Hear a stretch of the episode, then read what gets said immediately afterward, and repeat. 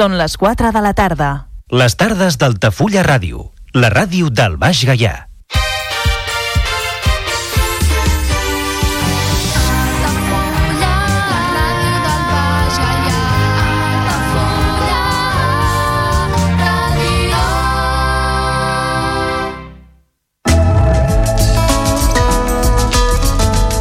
L'agenda Altafulla Ràdio. Visites guiades a la Vila Closa d'Altafulla cada primer dissabte de mes a les 11 del matí, amb sortida des de la Porta Reixada del Castell. Preu de la visita 4 euros. Més informació i reserves a l'oficina de turisme d'Altafulla i al telèfon 977 65 14 26.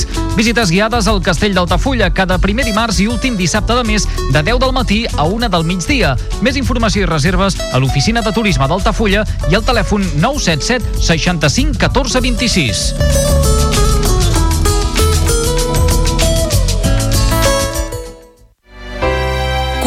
Comunions 2024. Dates ja disponibles amb sales privades, jardí, pàrquing privat i la millor gastronomia. Més informació i reserves al 977 65 11 55 i a comercial arroba altafullamarotel.com o al web altafullamarotel.com. Les teves celebracions familiars a l'Altafulla Mar Hotel. Ja coneixes les propostes que t'ofereix el Club Marítim Altafulla? Vine i descobreix totes les nostres activitats. Sortides en caiac o pa del surf, cursos de vela per a totes les edats. No t'ho perdis. Club Marítim Altafulla. Obert tot l'any i per a tothom. La pilota torna a rodar i el centre d'esports Altafulla juga una temporada més a Altafulla Ràdio. Els groc i negre reben a un candidat al títol i l'ascens al Sant Pere Sant Pau amb la voluntat d'aconseguir la primera victòria del 2024 davant l'afició i seguir la bona ratxa al Joan Pijuan. Aquest dissabte, a partir de les 5 de la tarda, segueix el partit en directe a través del 107.4 de la freqüència modulada, al web 3 altafullaradio.cat, l'aplicació per a dispositius mòbils o la televisió digital terrestre. El futbol més modest sona Altafulla Ràdio.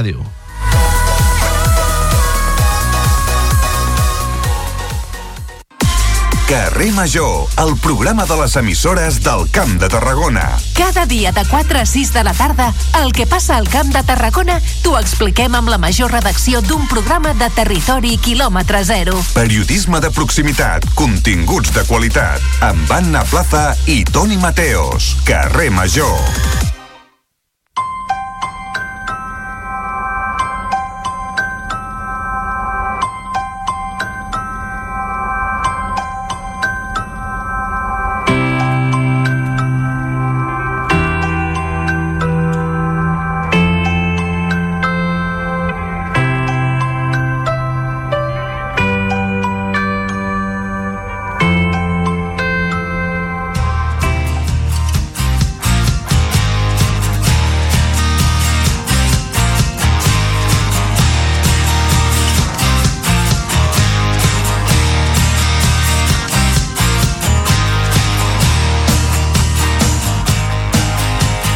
Carrer Major, un programa de ràdio Ciutat de Tarragona, Altafulla Ràdio, Ràdio Montblanc, Ràdio La Selva, Ona La Torre, la nova ràdio de Reus, Ràdio Hospitalet de l'Infant i Baix Camp Ràdio en col·laboració amb la xarxa de comunicació local.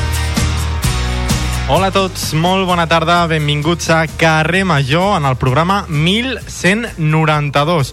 Un programa on avui comencem amb la meva veu i no la de l'Anna Plaza, coses que passen.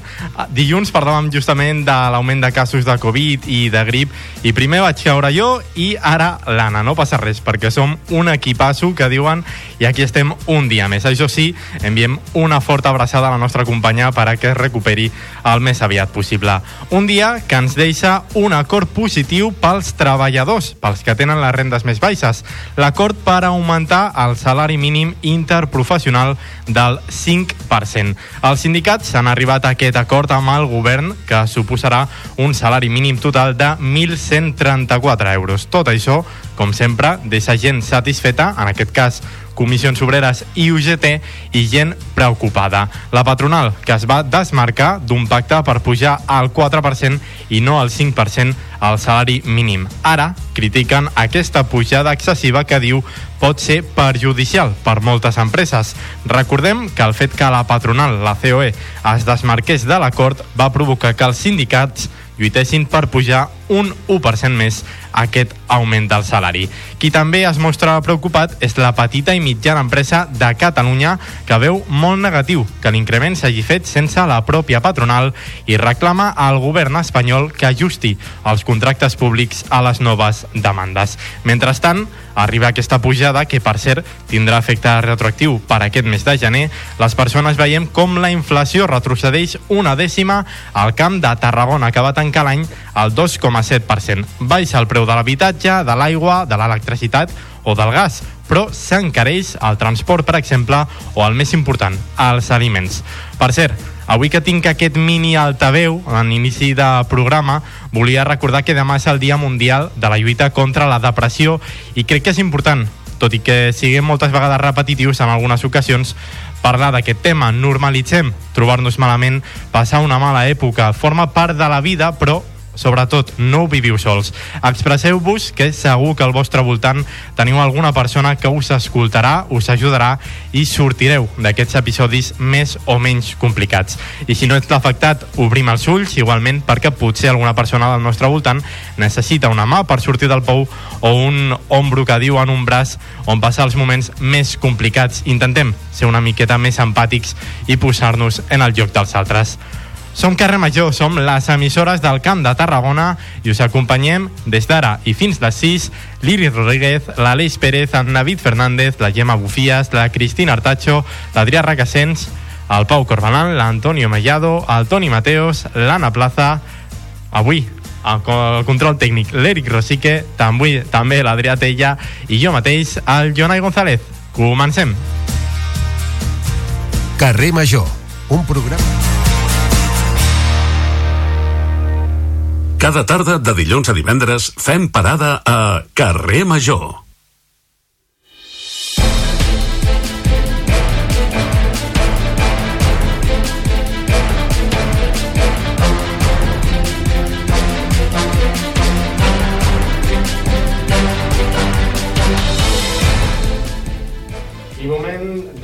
Moment de repassar en forma de titulars les notícies més destacades del dia al Camp de Tarragona i avui ho fem amb el nostre company l'Adrià Tella. Molt bona tarda. Molt bona tarda. Comencem explicant que el salari mínim interprofessional pujarà un 5% després d'un pacte entre el govern espanyol i els sindicats, malgrat que sense la patronal. L'acord suposa que el salari mínim incrementi 54 euros i passi de 1.080 a 1.134 mensuals en 14 pagues, una pujada amb efectes retroactius al mes de gener. I també parlem d'altres formes d'economia, com per exemple l'increment dels preus, dels preus que s'ha mantingut i fins i tot s'ha moderat lleugerament aquest desembre passat al Camp de Tarragona i les Terres de l'Ebre respecte als valors de fa un any. El 2023 va tancar la demarcació amb una variació anual positiva de l'IPC amb un 2,6%, una dècima menys que el mes anterior i el límit al preu dels lloguers entrarà en vigor el pròxim mes de febrer a 140 municipis de Catalunya, entre ells Tarragona. I de fet a la província són 12 els municipis assenyalats com a futura zona tensionada i que per tant veuran com s'aplica aquesta contenció dels preus. També parlem de pensionistes perquè 178.000 pensionistes de les comarques tarragonines es veuran beneficiats econòmicament per la pujada de les seves pensions un 3,8%. Tot plegat a partir de l'aprovació del Reial Decret Llei que s'ha dut a terme aquesta mateixa setmana al Congrés dels Diputats. En política, la portaveu d'Esquerra Republicana, la veienca Raquel Sanz, ha avisat Junts que vincular multireincidència i immigració és molt perillós. Sanz argumenta que dona una imatge d'estigmatització de les persones migrades. I en Sanitat, Infermeres de Catalunya manté la vaga fins que Salut implementi millores a l'espera de la requalificació del Ministeri. El sindicat valora l'esforç del Departament de Salut, però també manté la vaga que va iniciar ara fa un mes a l'espera d'aquesta requalificació professional a la categoria A1. Unió de Pagesos reclama al govern que les obres de l'estació depuradora d'aigües residuals de Reus es facin per la via d'urgència. Els agricultors asseguren que no poden esperar fins al 2026 perquè la sequera ja haurà matat tots els arbres. I el Ministeri de Cultura s'ha compromès a convocar el concurs pel projecte arquitectònic de la Biblioteca Provincial de Tarragona. S'han compromès a fer-ho en guany. A més, destinarà 3 milions d'euros per la museografia del Museu Nacional Arqueològic de Tarragona. I en esports hem de parlar del Reus Deportiu Virgínies, que no va poder superar aquest dijous al Benfica a la Champions d'hoquei sobre patins masculina. Els reusencs van perdre 4-2, un resultat que complica encara més el seu pas per Europa.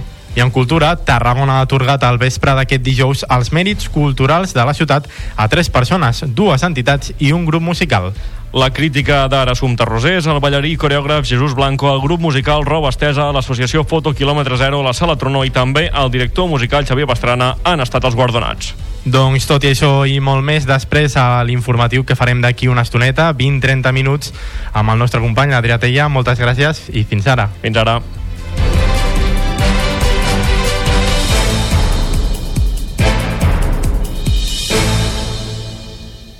Carrer Major. Toni Mateos.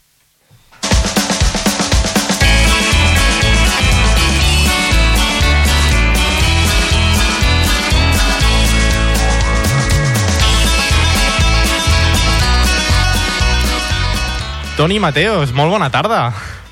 Ana Plaza, què et passa a la veu? Eh, la grip, la grip, precisament. Ostres, pues... Cuida't, eh, cuida't, eh, que tens una veu... com estàs, Jonai? Molt bé, com estàs tu? Jo espectacular, com sempre, amic meu. Jo aquí a la selva, calentet, avui divendres, ja faves tendres, el dia més maco de la setmana i preparats per, per un programa doncs, per tancar la setmana, que és el que, el que desitgem tots i totes. Mm -hmm. Moltes ganes, eh, de- d'arribar aquest cap de setmana ja. Tenim oh, sí, aquest repasset sí, sí, sí. de la primera hora. Sí, eh, tens ganes, eh, se't nota. Sí, sí, sí, sí, moltes ganes, moltes ganes. I a més a més m'han portat un còmic de la biblioteca aquí a la selva que tinc ganes d'enganxar-lo ja i uah, i devorar-lo al, al, al cap de setmana. Ja tens deures, doncs. Jona, mira, Jonai, a la segona hora, eh, el David Fernández, des de la nova ràdio de Reus, entrevista a la Lau Noa, que és una cantant reusenca Mhm. que va ser la primera cantant eh, del país en protagonitzar, saps el, el Tiny Desk? Saps el que és el Tiny Desk? Sí, em sona, em, em vol els sonar. concerts, ac- Sí. els concerts aquells que s'han fet famosos a través d'internet, Mhm. que han fet el Zetangana, Ed Sheeran, uh, Beyoncé, els Coldplay... Són Mhm. uns concerts que fa la televisió pública nord-americana. Doncs la Lau Noa va ser la primera cantant en fer-ho en català. Alerta amb això, eh? I Compte, eh? parlarem amb ella perquè acaba de publicar el seu segon disc que es diu A2, uh, on, hi, on fa duets amb gent com Jorge Drexler, Salvador Sobral, el que va guanyar Eurovisió, Ai, o ai. la Sílvia Pérez Cruz, entre d'altres. O sigui, que el nivell. David ella. Mhm. Nivell, nivelazo, nivelazo. I a més a més viu a Nova York. Ja, ja tens una amiga a Reus que, que viu a Nova York i, i ja pots anar. Uh, també parlarem amb el Silvio Álvarez, que és un cantautor reusenc que aquest cap de setmana actua, alerta amb això, Unai, al refugi de la Patacada de Reus, al refugi antieri de la Patacada, que és un lloc molt estret en el qual s'han de baixar molts metres, és fosc, humit, eh, té una història doncs, tremenda amb aquest refugi antieri, doncs allà actuarà el Silvio Álvarez. Mhm. En la secció dels tonis, avui és el dia de fer-li un petó a un pèl roig. O sigui que si et trobes un pèl roig o una pèl roja pel carrer, fes-li un petó. Ja aquests Ah, dies explic- no els acabo d'entendre. Bueno, hi ha, hi ha, dies per tots. Eh, explicarem el motiu d'aquest dia, parlarem sobre famosos pèls rojos i, eh, com no, les curiositats que tenen els pèls rojos. Mhm. Més música, avui és un programa fantàstic amb la banda sonora que ens porta cada dia el David Fernández i en la furgoneta la Cristina Artacho doncs se'n va cap a la Marató de Donants de Sang amb la coordinadora de donacions del Banc de Sang i Teixits al Camp de Tarragona des de l'Hospital Joan 23 Mhm. eh, en, en, don- doneu sang, amb una vegada no n'hi ha prou amics i amigues Mhm, Aquest el és que dèiem tema. al principi també, una mica ser més empàtics, doncs també amb el, amb el banc de sang. i tant que sí, i tant que sí, Unai Doncs, Toni Mateos, fins aquí aquest resum. Ens veiem d'aquí uns minutets també, amb la vostra segona hora. Perfecte, bon programa, Jonai. Adéu, fins després. Adéu. Carrer Major, el primer programa del Camp de Tarragona.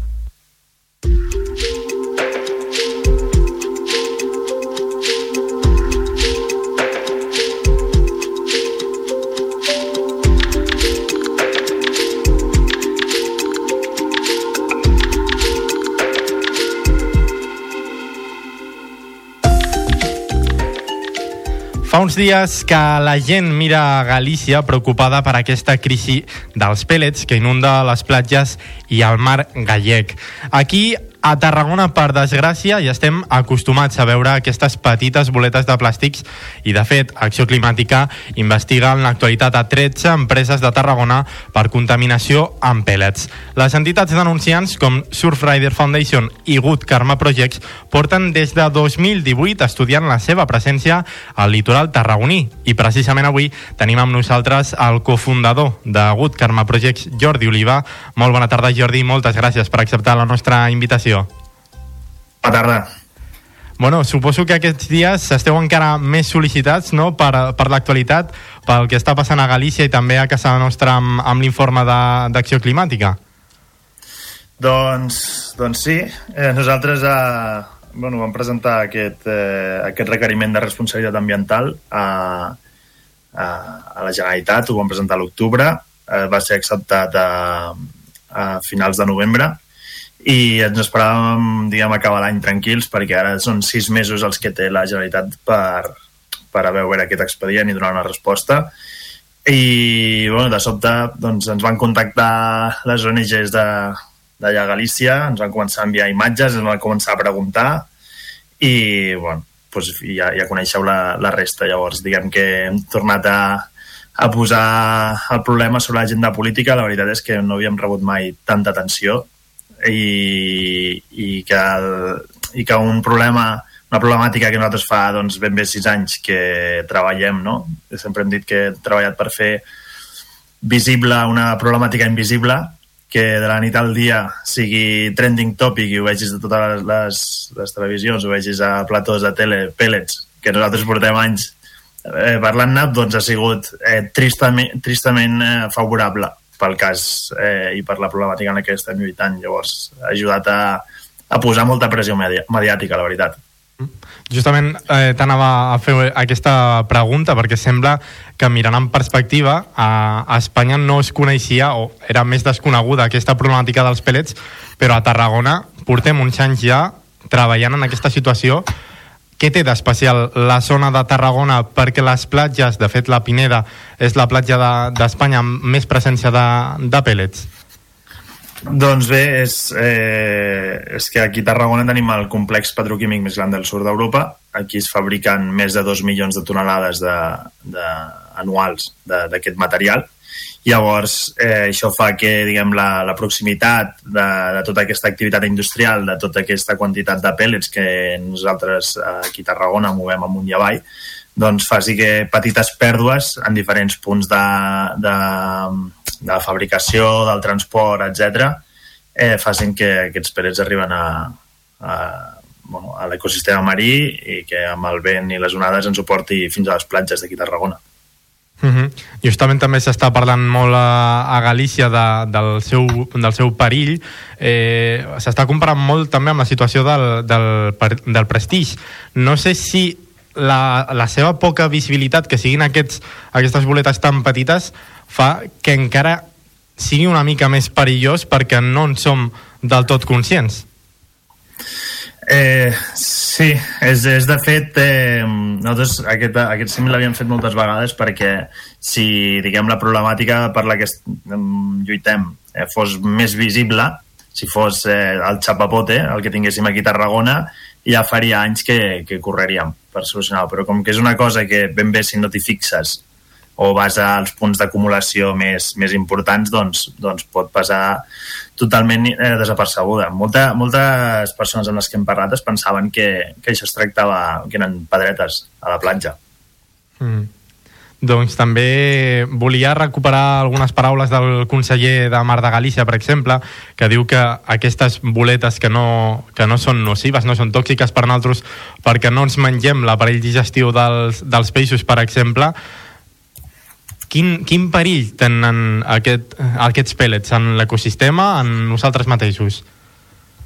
Bé, doncs, uh, o sigui, els pèl·lets uh, un cop al medi ambient, un cop surant a, a, al mar, a l'oceà, eh, actuen com a, com a imants de toxines, actuen com a acumuladors de contaminants orgànics persistents i de bactèries que quan, un cop el, els, les aus o els peixos els confonen amb, amb aliment, a tots aquests contaminants passen a, a la cadena alimentària i poden arribar a nosaltres. No és que no estem parlant de nosaltres acabar-nos menjant el pèl·let de per si, sinó tots els contaminants que acumulen o tots els, eh, també part dels additius que porta el plàstic que poden contenir disruptors endocrins. La, la toxicitat dels pèl·lets ve més aviat per, per la part de tots els additius que, que porten, que ara mateix, per exemple, estem estudiant els de Galícia, des d'aquí Tarragona eh, bueno, ben bé tenim, tenim els resultats i tenim el coneixement que el compartirem que l'anàvem a compartir de fet a principis d'aquest any i llavors eh,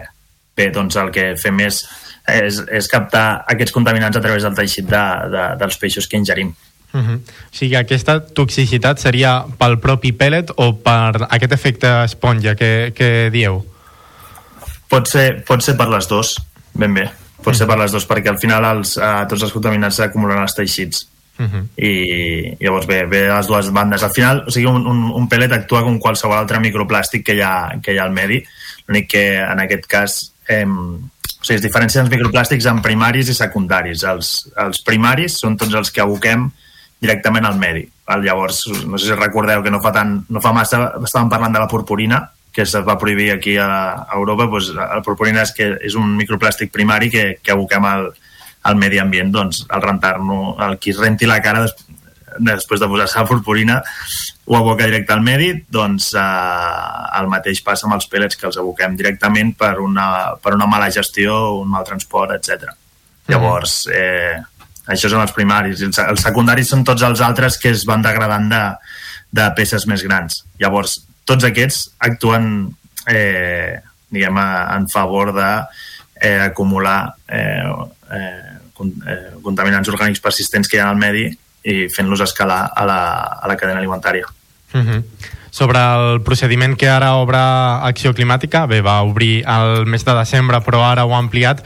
Com, com vau viure des de Good Karma Projects que, port, que es portés a obrir aquests eh, expedients a aquestes empreses? Doncs, sincerament, és difícil d'explicar, perquè és un... O sigui, tant a, bueno, ha sigut una experiència, diguem, professional, eh, personal, per, per tots i totes les d'organització que hem dedicat hores i hores i hores i hores i recursos. Hem anat, hem passejat amunt i avall rieres, eh, francolí amunt, francolí avall, eh, polígons, eh, cap, caps de setmana, tardes, nits, eh, han sigut hores i hores durant cinc anys que finalment eh, s'obrís aquest expedient per nosaltres haver demostrat aquesta problemàtica que des de podem dir que des de les empreses no s'havia acceptat o no s'havia no se n'havien responsabilitzat fins que no vam començar a ensenyar imatges dels pèl·lets a, ben bé a, a, a les portes de les fàbriques sortint per, per la primera curva, o sigui, sortint diguem, en les proximitats de les fàbriques, doncs, doncs bé, això va ser un, doncs un, un abans i un després per nosaltres. Que, que finalment poguéssim parlar d'aquest problema, eh, diguem, d'aquesta connexió directa de la contaminació eh, de pèl·lets amb l'activitat industrial sense haver de patir de que, de que si estàvem dient una cosa certa o no, que ho hagi acceptat a tràmit l'administració, la veritat és que és una, una victòria que, que bueno, nosaltres ens deixa, ens deixa francament eh, satisfets. Mm -hmm. De fet, ara parlaves de, de recórrer riera amunt, riera avall. Si no m'equivoco, també heu fet molta feina eh, mirant cap a on arriben aquests microplàstics, aquests pèl·lets, com per exemple que teniu informació de que aquests pèl·lets fins i tot han arribat a les Illes Balears, si no m'equivoco. Correcte, podeu, Bueno, recomano, si voleu veure una mica part de la història que s'ha fet, eh, vam, vam gravar Chasing Pellets el 2021, que és un documental on, on diguem, sigue, seguim el rastre d'aquests pellets. La nostra preocupació, perquè, perquè entengueu el propòsit d'aquesta expedició, la, la nostra pro, eh, preocupació no recau en, en l'estat de contaminació de la platja de Pineda o la platja del Miracle o la platja llarga de Tarragona. La nostra preocupació és que aquí a la zona, aquí a, a Tarragona, els vents predominants bufen de, de terra cap a mar. Bufa, és, el, és el mestral que, que comença, diguem, a l'octubre i no, no para fins a, a l'abril, que és els períodes aquests de, que, que s'uneixen a, coincideix amb el període de pluges. I llavors sabem que més de la meitat del temps el vent aquí a Tarragona bufa de terra a mar. Llavors sabem i coneixem, i hi ha indicis que el, el, tots els pellets que baixen pel francolí més de la meitat del temps viatjant mar endins.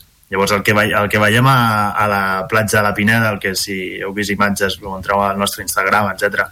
veureu imatges que s'assemblen a Galícia, això només és una petita, per nosaltres una petita part del problema, perquè la nostra preocupació és tots els pellets que viatgen mar endins. Llavors, en, en aquest documental, en aquesta expedició, amb col·laboració amb, amb la Universitat de Barcelona que vam fer la, la part de l'estudi científic analitzàvem mostres de pèl·lets que trobàvem doncs ben bé aquí a Tarragona eh, si anàvem amb, amb l'aparell que fem servir que es diu Mantatrol eh, analitzant els microplàstics en superfície fins, aquí, eh, fins a fins a 30-40 quilòmetres d'aquí encara trobàvem pèl·lets uh -huh. que són, diguem eh, en, en, en quantitats eh, són densitats doncs, suficientment importants com perquè les puguem detectar en, en aquests radis. O sigui, el mar, quan t'allunyes 30-40 quilòmetres endins, eh, és, el mar ja, ja, ja comença a ser molt gran, ja no veus, ja costa veure terra, o no la mm. veus. Mm -hmm. Llavors, vull dir, perquè fa una idea una mica d'això de, de, de com viatgen i com que al mar no hi ha, no hi ha fronteres i, i parlar de, del sala de Catalunya a Balears és, és molt fàcil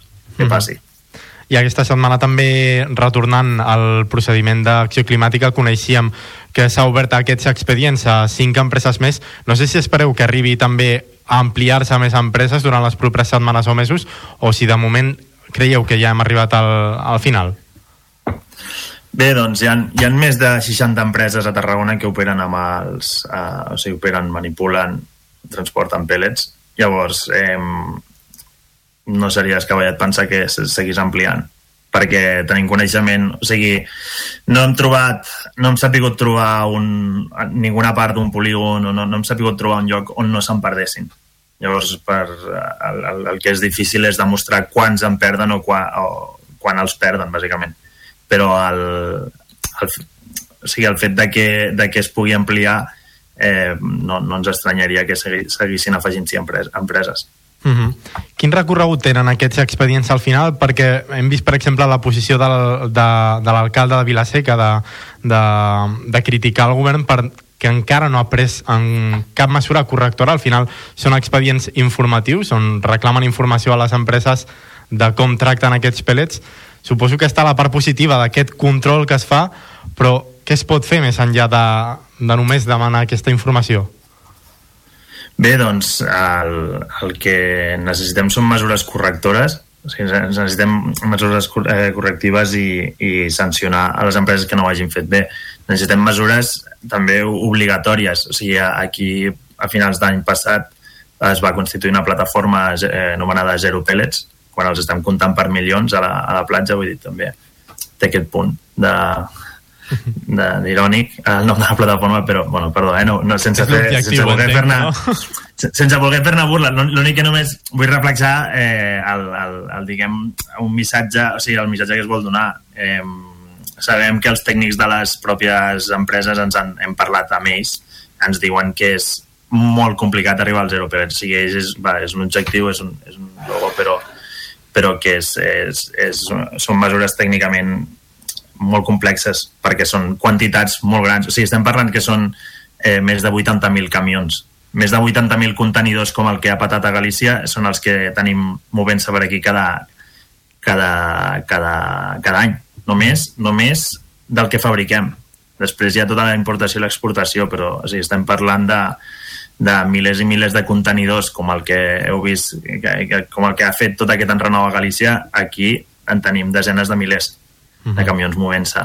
Llavors, diguem, aquí es va constituir una plataforma que, que bé, bueno, primer de tot se'ns va deixar a nosaltres fora, nosaltres vam ser els primers en aconseguir asseure eh, en una mateixa taula l'administració, la, les, els representants de les empreses i el tercer sector, convidant a, a altres ONGs per, per posar, diguem, fil a l'agulla i començar a, a fer front a aquest repte. Això va ser a finals de 2022, ben bé un any després eh, s'acaba constituint aquesta taula de treball i el, i bueno, el que comentaves de, de l'Ajuntament de Vilaseca també se'ls va deixar fora perquè diguem érem segurament doncs, doncs, les do, dues parts més crítiques de totes les taules i reunions que han hagut han sigut a, doncs, la nostra organització juntament amb Surrider i, i de l'administració més afectada que és l'Ajuntament de Vilaseca. Mm -hmm. Rapsol, per exemple, feia un apunt ahir a la, a la roda de premsa eh, on parlaven precisament de que l'informe d'acció climàtica posa el nom de les empreses productores, però que potser caldria també anar més enllà i al final implicar tota la, la cadena de valor, que ells són els productors, admetien també que evidentment era molt complicat eh, reduir tots els pellets, però que al final tota la cadena de valor era s'implicava en aquest procés de pèrdua de pellets. Uh -huh. Correcte. Eh, la, bueno, al final la, la seva activitat recau també en, en seguir treballant amb, amb la resta de cadena de valor.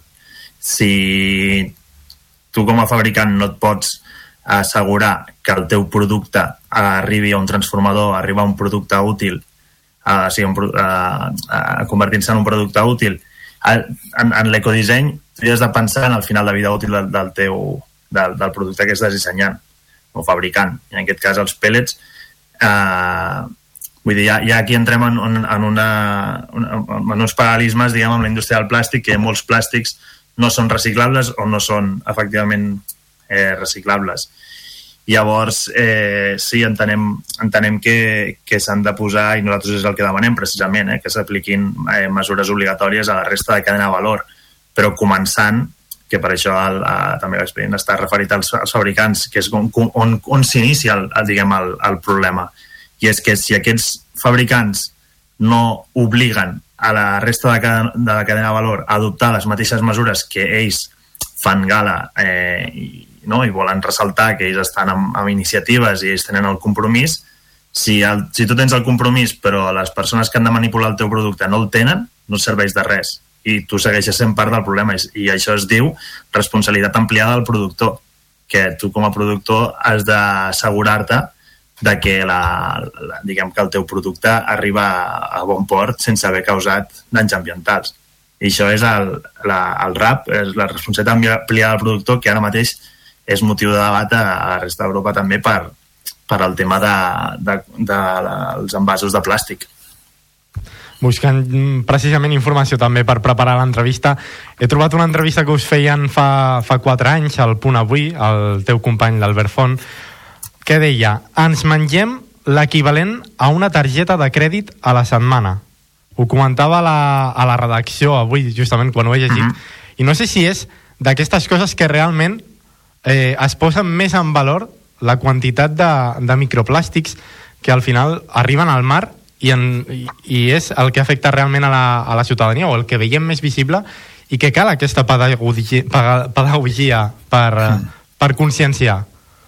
Sí, sí, bueno, un dels pilars de la nostra organització és l'educació ambiental. Nosaltres treballem amb escoles de, de, de tot el territori català perquè eh, creiem que és, és la base de, de tot, una, una, una educació, eh, una, una sensibilització, una conscienciació que passi per al, pel coneixement no, de, de les problemàtiques i, i, i, diguem, i més enfocat a solucions.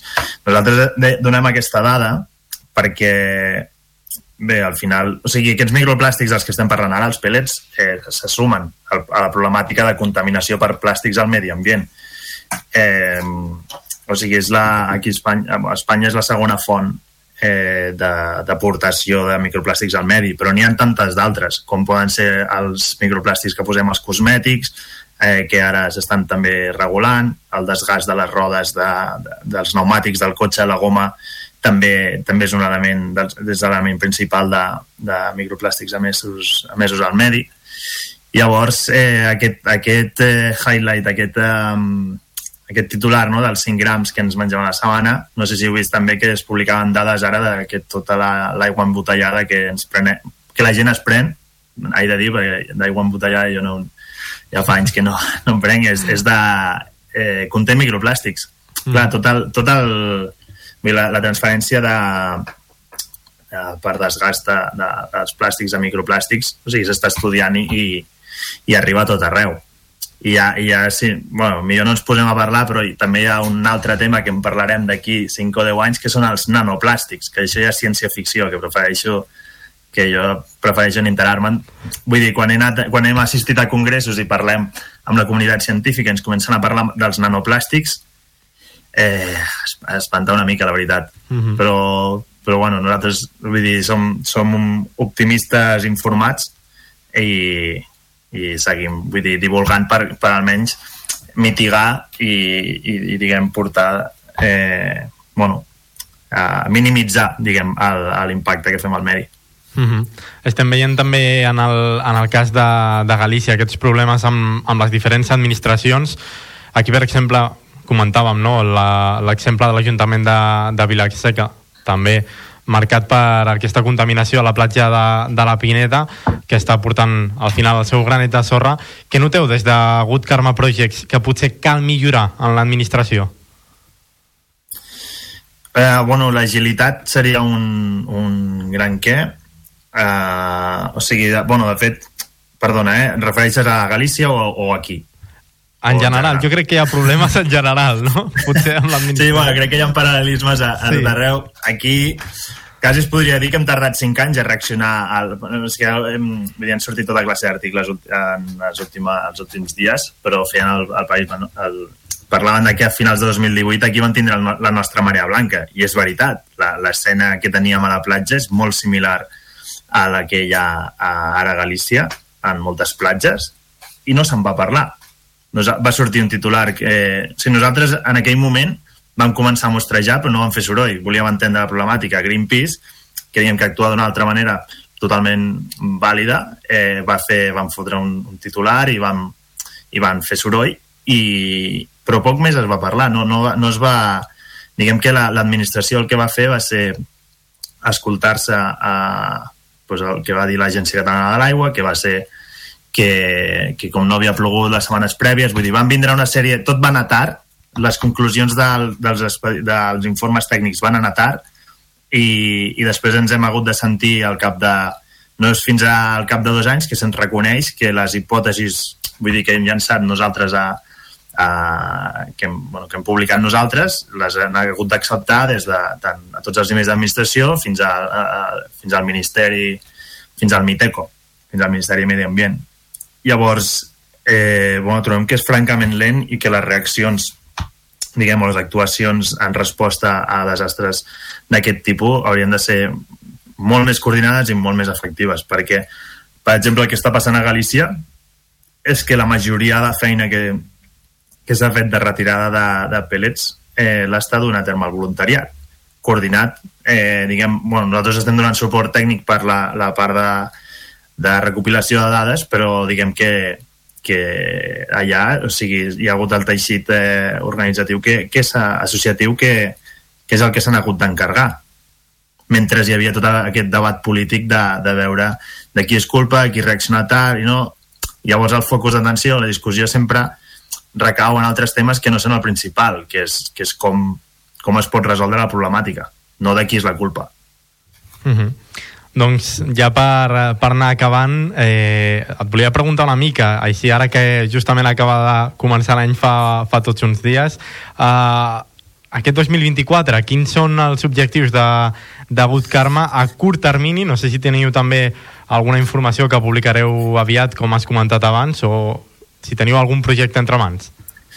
Doncs bé, aquest, aquest havia de ser un any eh, que comencés més tranquil, la veritat, perquè ha sigut, hem fet una, hem començat l'any dif molt diferent del que ens esperàvem, però no, tenim un any molt interessant per davant, perquè aquest any tenim uh, la conferència, la conferència de, la dècada dels oceans, de UN Ocean Decade, de, de les Nacions Unides, i és a Barcelona. Llavors, eh, nosaltres tot l'any passat vam estar preparant un projecte per llançar-lo aquest any, que es diu Mediterrani 2050, MED 2050, amb, amb un documental, una exposició fotogràfica, hi ha un escape room, hi ha tot una, un equip d'ambaixadors i ambaixadores del projecte en els, amb els quals ens recolzem per apropar les, les principals problemàtiques del Mediterrani, però sobretot explicant eh, projectes, eh, individus, personatges, històries que hi han darrere per fer front a, aquesta, a, aquests principals reptes, com són la, la pèrdua de biodiversitat, la desertificació submarina, etc però amb, diguem, amb, la, amb, amb tot el coneixement científic i amb tot l'optimisme informat que es pugui tenir davant d'aquesta situació. Llavors, eh, estem convidats, bueno, en breus publicarem una nova data, però mitjans de març estarem presentant a l'antiga la, fàbrica Estrella d'Am a Barcelona doncs, a, a aquest documental junt amb, amb Open Arms per tractar també la eh, problemàtica social del Mediterrani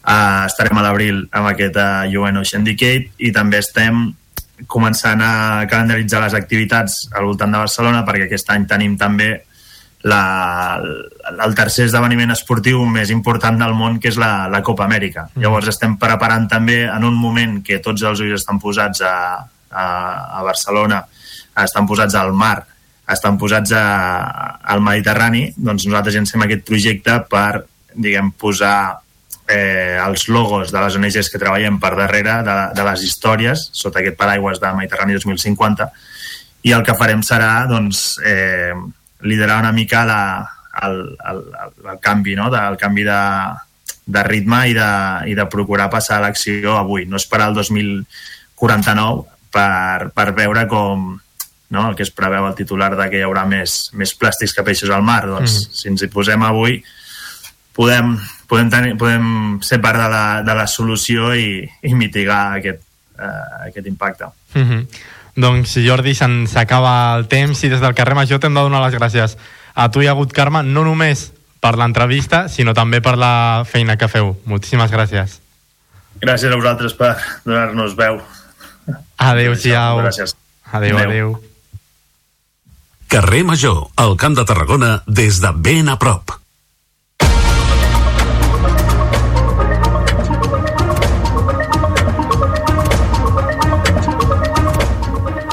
I ara és el moment d'endinsar-nos amb més detall en les notícies del dia. Adrià Tella, molt bona tarda de nou. Bona tarda de nou.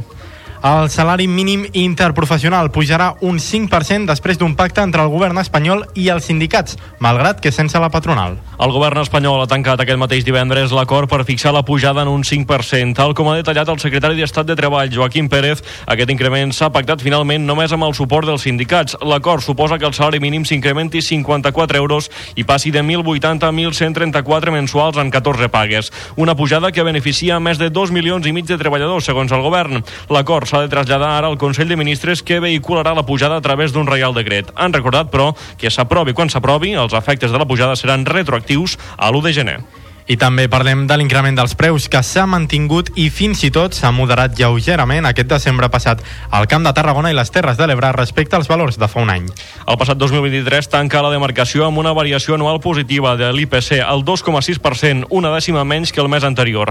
Tot i l'encariment dels aliments, un 6,5%, la pujada ha estat gairebé dos punts inferior que la registrada al novembre. També ha moderat el creixement la roba, que ha pujat un 0,9%. L'habitatge, l'aigua, l'electricitat i el gas han retrocedit una dècima dècima i continuen a la baixa, amb un menys 6,6%. Aquest comportament ha permès compensar l'encariment del transport, que ha escalat del 0,5% del novembre al 4,8% d'aquest desembre. A nivell global català, la inflació tanca l'any repuntant fins al 3,2% i els aliments encara són un 6,9% més cars.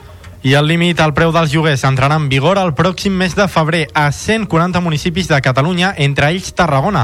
De fet, a la província són 12 els municipis assenyalats com futura zona tensionada i que, per tant, veuran com s'aplica aquesta contenció dels preus. Concretament, a més de la ciutat de Tarragona, s'inclouen Reus, Salou, Cambrils, Valls, Torre d'Embarra, el Vendrell, Falset, Mora la Nova, Tortosa, Roquetes i Amposta. La consellera de Territori, Esther Capella, ha assegurat que la limitació serà una realitat al mes vinent. Capella ha explicat que han pactat amb el govern govern espanyol acabar en les setmanes vinents la feina per aprovar i publicar l'índex de preus de referència dels lloguers que s'ha d'aplicar per poder declarar zones tenses als 140 municipis assenyalats per territori. La consellera ho ha definit com una gran notícia i per nosaltres, pel govern de Catalunya, pel Departament de Territori, és una molt bona notícia, com ho és també pels ciutadans i ciutadanes de Catalunya, doncs que eh, la contenció de rendes sigui ja una realitat aquest mes de febrer.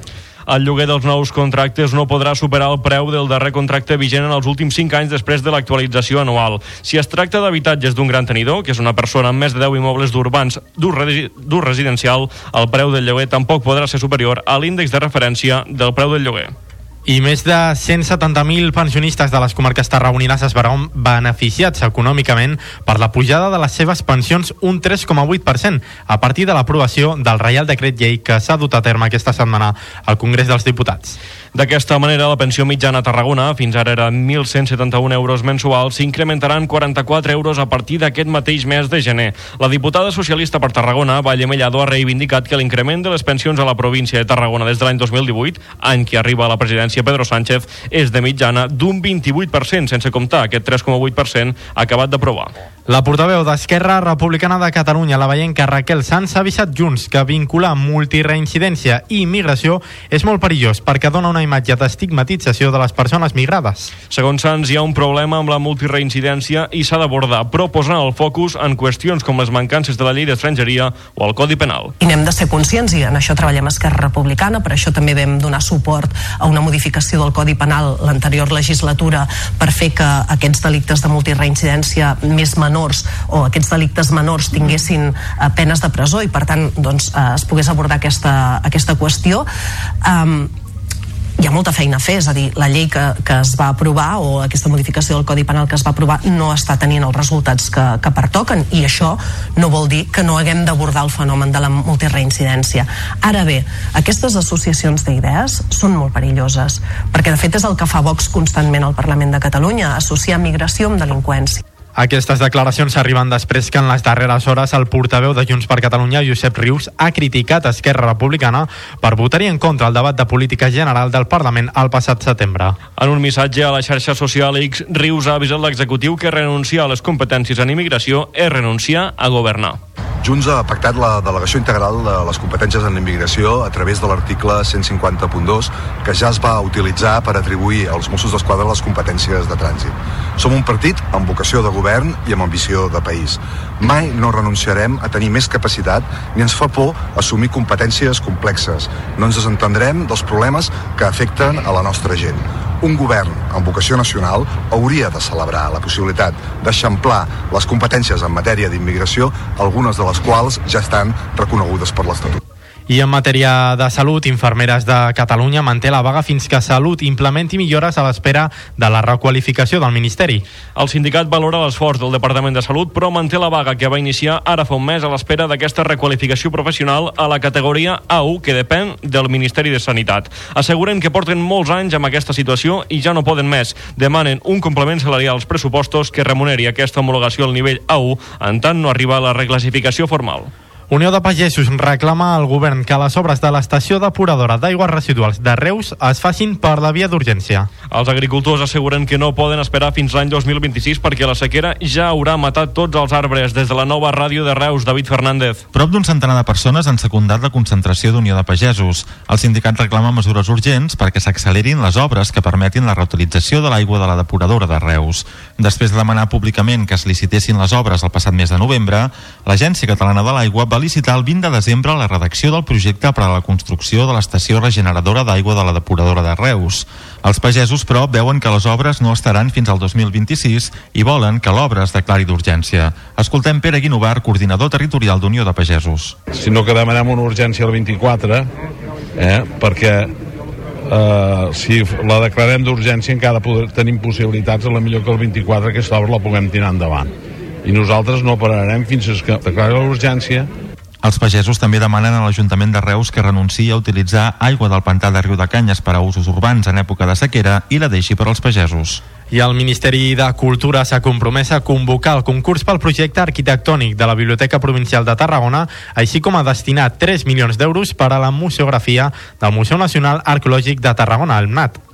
Aquests han estat alguns dels acords que han segellat aquest divendres la consellera de Cultura, Natàlia Garriga, i el ministre de Cultura, Ernest Hurtasson, en una trobada que han mantingut al Departament de Cultura. Escoltem Hurtasson. Les qüestions de Tarragona, que crec que les ha mencionat la consellera, que són molt importants, no compta actualment Tarragona eh, eh, amb una nova biblioteca que estigui a l'alçada del que necessita la ciutat. Eh? I per tant, eh, com ja saben, aquestes biblioteques a les capitals de província, eh, el Ministeri ens toca fer la inversió i la Generalitat s'ocupa després del manteniment i la gestió M'he compromès avui amb la consellera que durant el 2024 el Ministeri convocarà el concurs pel projecte arquitectònic. Eh? Un cop estigui decidida la seva ubicació, que és una cosa que encara està en discussió. Respecte a la biblioteca, la consellera ha indicat que l'Estat té l'obligació de fer una biblioteca a cada demarcació i que ara és el torn de la de Tarragona.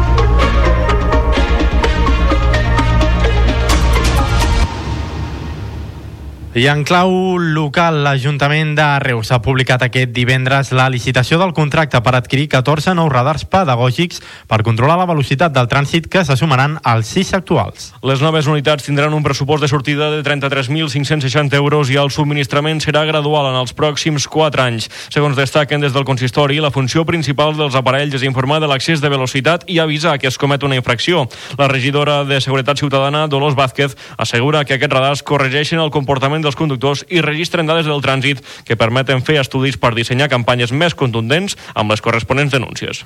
I anem fins a Tarragona, on el port comença la instal·lació de panells fotovoltaics al refugi 1. Es preveu que les tasques d'instal·lació s'allarguin uns 4 mesos i mig des de Ràdio Ciutat de Tarragona, Adrià Duc. El Port de Tarragona ha començat les obres per dur a terme la instal·lació dels panells fotovoltaics al refugi del Moll de Costa i es preveu que les tasques d'instal·lació s'allarguin uns 4 mesos i mig. Es tracta d'una instal·lació fotovoltaica de 223 kW per hora sobre la cobertura del refugi, amb l'objectiu principal de generar energia elèctrica provinent de fonts renovables i potenciar el desenvolupament de solucions per a la implantació de l'Smart Grid, un sistema intel·ligent per a la gestió de l'energia verda de la futura comunitat energètica portuària, així com utilitzar l'energia generada per autoconsum instantani. La instal·lació haurà d'assegurar la generació d'energia fotovoltaica al màxim nombre d'hores del període d'irradiació solar i en total aquesta nova planta fotovoltaica generarà el 17% del total de l'energia necessària al moll de costa.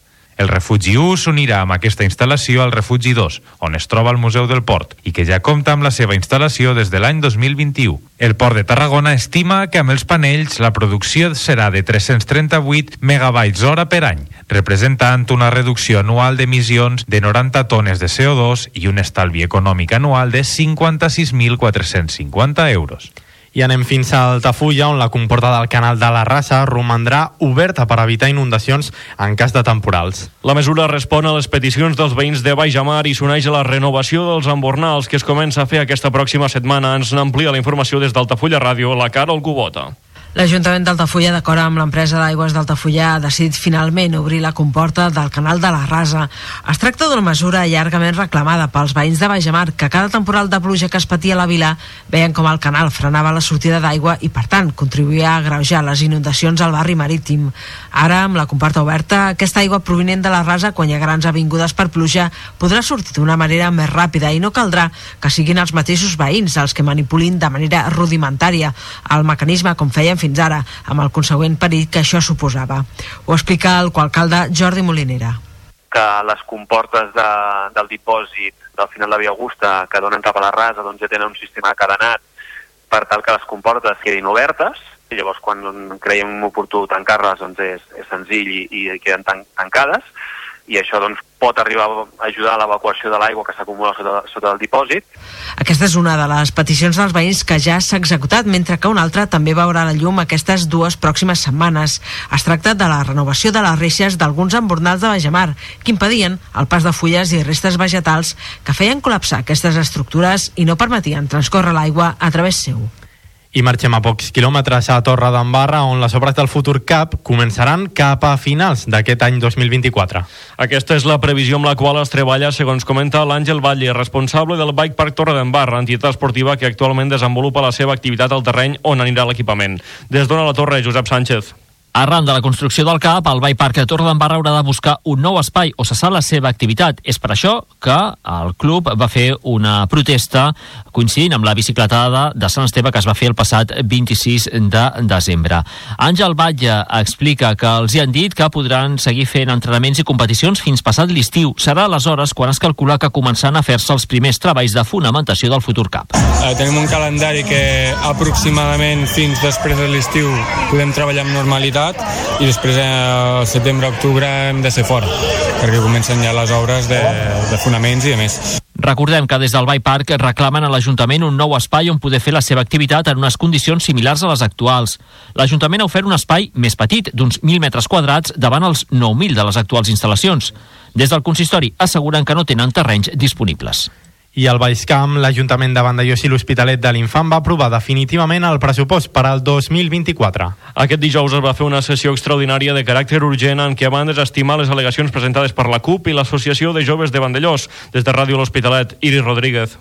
El ple de l'Ajuntament de Vandellós i l'Hospitalet de l'Infant ha aprovat definitivament el pressupost municipal per a l'exercici de 2024. El pressupost d'enguany serà, així doncs, el que es va aprovar inicialment en la sessió plenària del 30 de novembre, que és de més de 25 milions d'euros. Abans de l'aprovació definitiva del pressupost municipal, que va tenir lloc aquest dijous 11 de gener, la sessió plenària extraordinària urgent que va convocar l'alcaldessa Assumpció Castellví es va resoldre les al·legacions presentades pel grup municipal de la CUP Amunt i per l'Associació de Joves de Vandellós durant el període d'informació pública que es va obrir després de l'aprovació inicial del document.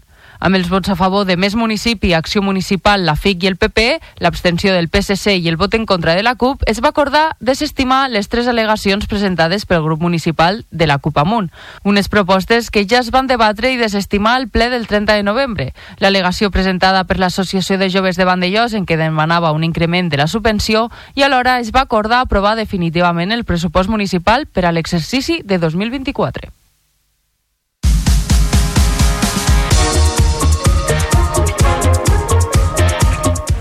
I en esports, el Reus Deportiu Virgínies no va poder superar aquest dijous el Benfica a la Champions d'hoquei sobre patins. Els reusencs van perdre 4-2, un resultat que complica encara més el seu pas per Europa. Des de la nova ràdio de Reus, David Fernández. Els roig i negres van sortir a per totes i van controlar el partit fins al descans. Ja al minut 4, Martí Casas superava els portuguesos i a partir d'aquí van estar pressionant la porteria contrària i mostrant un bon joc defensiu. Amb el 0-1 a favor dels reusencs es va arribar al descans. Ja a la segona part, al minut 27, Pablo Álvarez marcava per part del Benfica Benfica i empatava el partit. Quatre minuts més tard, Lucas Ordóñez marcava el segon dels portuguesos i en menys d'un minut el marcador ja era de 3 a 1. Al minut 35, el reusenc Ferran Jiménez feia pujar al 3 a 2, però pràcticament al mateix moment Nicòlia sentenciava el 4 a 2 definitiu. Després d'aquest partit, el Reus Deportiu no ha sumat cap dels 9 punts possibles en els tres partits que porta disputats a la Champions League masculina. I més prèvies a aquest cap de setmana, el Nàstic de Tarragona tanca diumenge la primera volta amb un repte de màxima exigència.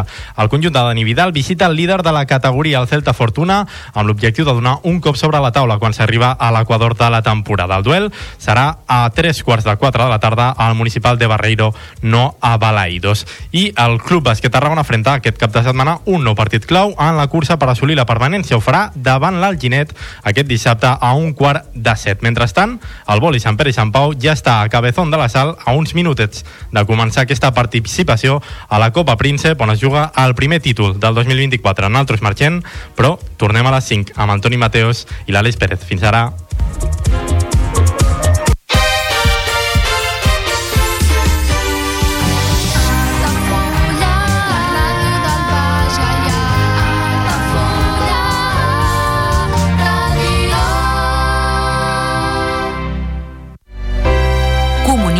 2024. Dates ja disponibles amb sales privades, jardí, pàrquing privat i la millor gastronomia. Més informació i reserves al 977 65 11 55 i a comercial arroba altafullamarotel.com o al web altafullamarotel.com. Les teves celebracions familiars a l'Altafulla Mar Hotel. Ja coneixes les propostes que t'ofereix el Club Marítim Altafulla? Vine i descobreix totes les nostres activitats. Sortides en caia, copà del surf, cursos de vela per a totes les edats. No t'ho perdis. Club Marítim Altafulla. Obert tot l'any i per a tothom. La pilota torna a rodar i el centre d'Esports Altafulla juga una temporada més a Altafulla Ràdio. Els groc i negre reben a un candidat al títol i l'ascens, el Sant Pere Sant Pau, amb la voluntat d'aconseguir la primera victòria del 2024 davant l'afició i seguir la bona ratxa al Joan Pijuan. Aquest dissabte, a partir de les 5 de la tarda, segueix el partit en directe a través del 107.4 de la freqüència modulada, el web 3 altafullaradio.cat, l'aplicació per a dispositius mòbils o la televisió digital terrestre. El futbol més modest sona Altafulla Ràdio.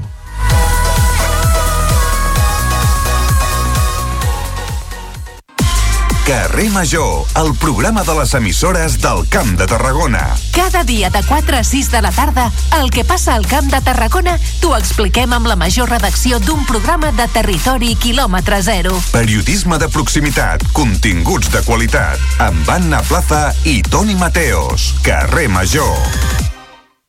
Va arribar el tiet amb Anna Ballarga, els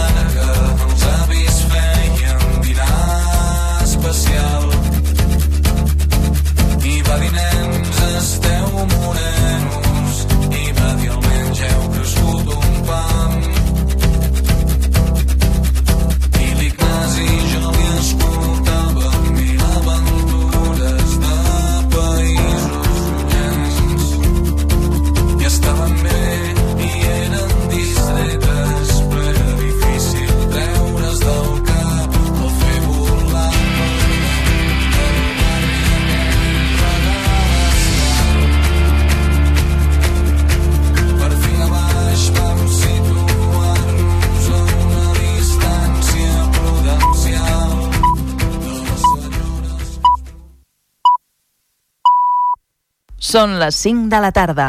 Les tardes d'Altafulla Ràdio, la ràdio del Baix Gaià.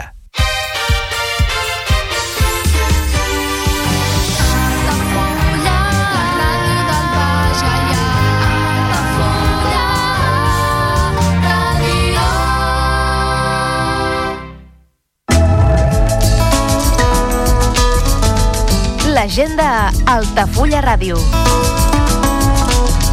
Visites guiades a la Vila Closa d'Altafulla cada primer dissabte de mes a les 11 del matí, amb sortida des de la Porta Reixada del Castell. Preu de la visita 4 euros. Més informació i reserves a l'oficina de turisme d'Altafulla i al telèfon 977 65 14 26. Visites guiades al Castell d'Altafulla cada primer dimarts i últim dissabte de mes de 10 del matí a 1 del migdia. Més informació i reserves a l'oficina de turisme d'Altafulla i al telèfon 977 65 14 26.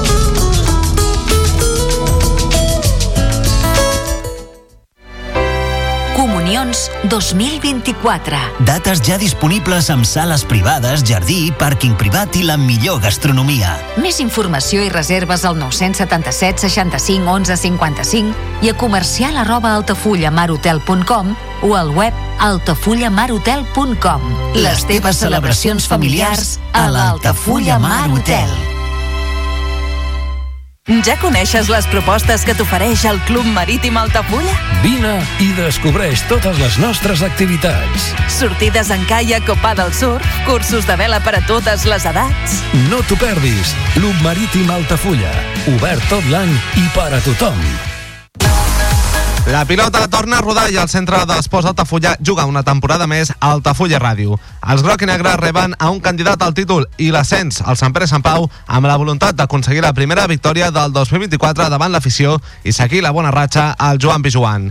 Aquest dissabte, a partir de les 5 de la tarda, segueix el partit en directe a través del 107.4 de la freqüència modulada, el web 3 altafullaradio.cat, l'aplicació per a dispositius mòbils o la televisió digital terrestre.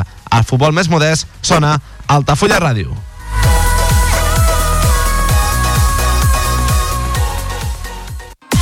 Carrer Major, el programa de les emissores del Camp de Tarragona. Cada dia de 4 a 6 de la tarda, el que passa al Camp de Tarragona t'ho expliquem amb la major redacció d'un programa de territori quilòmetre zero. Periodisme de proximitat, continguts de qualitat, amb Anna Plaza i Toni Mateos. Carrer Major.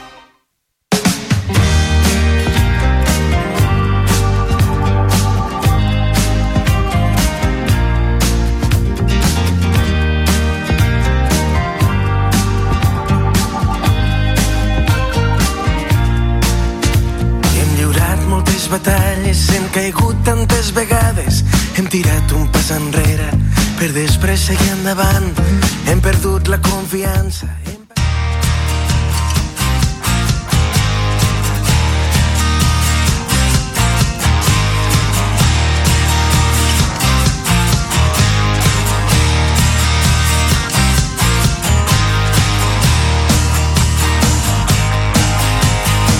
Carrer Major, Toni Mateos i Aleix Pérez.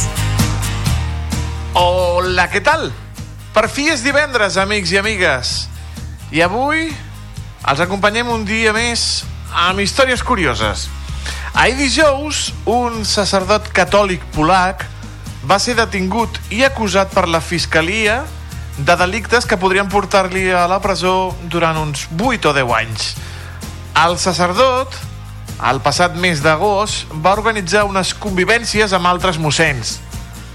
Però aquestes convivències en realitat eren una orgia, on a més van contractar els serveis d'un prostitut. En aquella orgia es van prendre drogues i alguna droga li va sentar molt malament al treballador sexual que va perdre el coneixement. Immediatament, la resta de sacerdots van trucar als serveis mèdics, però davant de la vergonya van impedir l'entrada dels infermers en aquella festa. Finalment es va personar la policia i van aconseguir treure el pobre noi i donar-li assistència per vergonya dels mossens. L'organitzador d'aquestes jornades de convivència, després de que la notícia corrés com la pólvora entre la comunitat cristiana de Polònia, de fet, va provocar la destitució d'un bisbe de la zona, doncs el sacerdot organitzador va refugiar-se a Turquia on ha estat detingut. En una entrevista, aquest organitzador va dir que si hagués passat el mateix amb una altra persona, amb una professió diferent, doncs no hi hauria hagut tant de rebombori. Home, sí o no? Perquè si en lloc de sacerdots fossin, no sé, polítics, futbolistes, el gremi de fusters, taxistes o advocats, doncs també hi parlaríem d'aquesta orgia. I si fossin periodistes? Aleix Pérez, tu has organitzat mai alguna festa on ha sortit tot malament? A veure, primer de tot, bona tarda, Toni Mateos. A veure, d'organitzar-la jo i que tot sortís malament, no. De fet, les vegades que he organitzat coses han sortit sorprenentment bé, però alguna vegada sí, en alguna festa en ca a casa d'un... De fet, recordo, no, mira, t'explicaré una que va ser la graduació nostra que vam fer un cop acabada la carrera, que estàvem allà en la festa, no? en l'èxtasi de, de la festa, hi havia com un, un, hi havia un, un ànec, de, un ànec de, com dels típics de jardí, saps? Aquells de Ui. decoració. Ah, vale, pensava que era un ànec de, de veritat, No, que no, no, de de a fer veritat, un, un Salvador Dalí. No, no, i, i aquell ànec, doncs, en un moment això de la festa, va haver-hi un, un, una persona, un amic meu, que sense voler el va llançar i va carregar-se un vidre d'una casa que hi havia al costat. Eh, ja està? Com que ja està, a veure, va haver de pagar la, va haver de pagar la, la reparació de finestra. Tu, Toni Mateo, segur que tens moltes històries molt més interessants que les meves. Eh, són les 5 de la tarda i 6 minuts. Ai. Ara no és moment d'explicar històries eh, salvatges. Nosaltres, cada tarda, amics i amigues, organitzem una festa a la seva ràdio local. La festa, com es diu, Aleix? Com es diu? Es diu Carrer Major. Es diu Molt bé. Major. De 4 a I 6. l'organitzem Radio Ciutat de Tarragona, Altafulla Ràdio, Ona la Torre, Ràdio Montblanc, Ràdio Hospitalet de l'Infant, Baix Camp Ràdio, la nova ràdio de Reus i Ràdio La Selva del Camp. Amb el nostre DJ, avui és en l'Eric Rosique i els animadors que els parlen, l'Aleix Pérez i un servidor, el Toni Mateos. Benvinguts a la festa de la ràdio al carrer Major. Tot el que passa al Camp de Tarragona t'ho expliquem a Carrer Major. Ole, ole. Sí, què passa? Ole. Vinga, va. Anem cap a Reus. Anem a parlar amb una persona seriosa, com és el David Fernández. De la nova ràdio de Reus. Aquest sí que és seriós. Sí. Que entrevista a la cantant Lau Noa. Fantàstica, la Lau. Som-hi, doncs.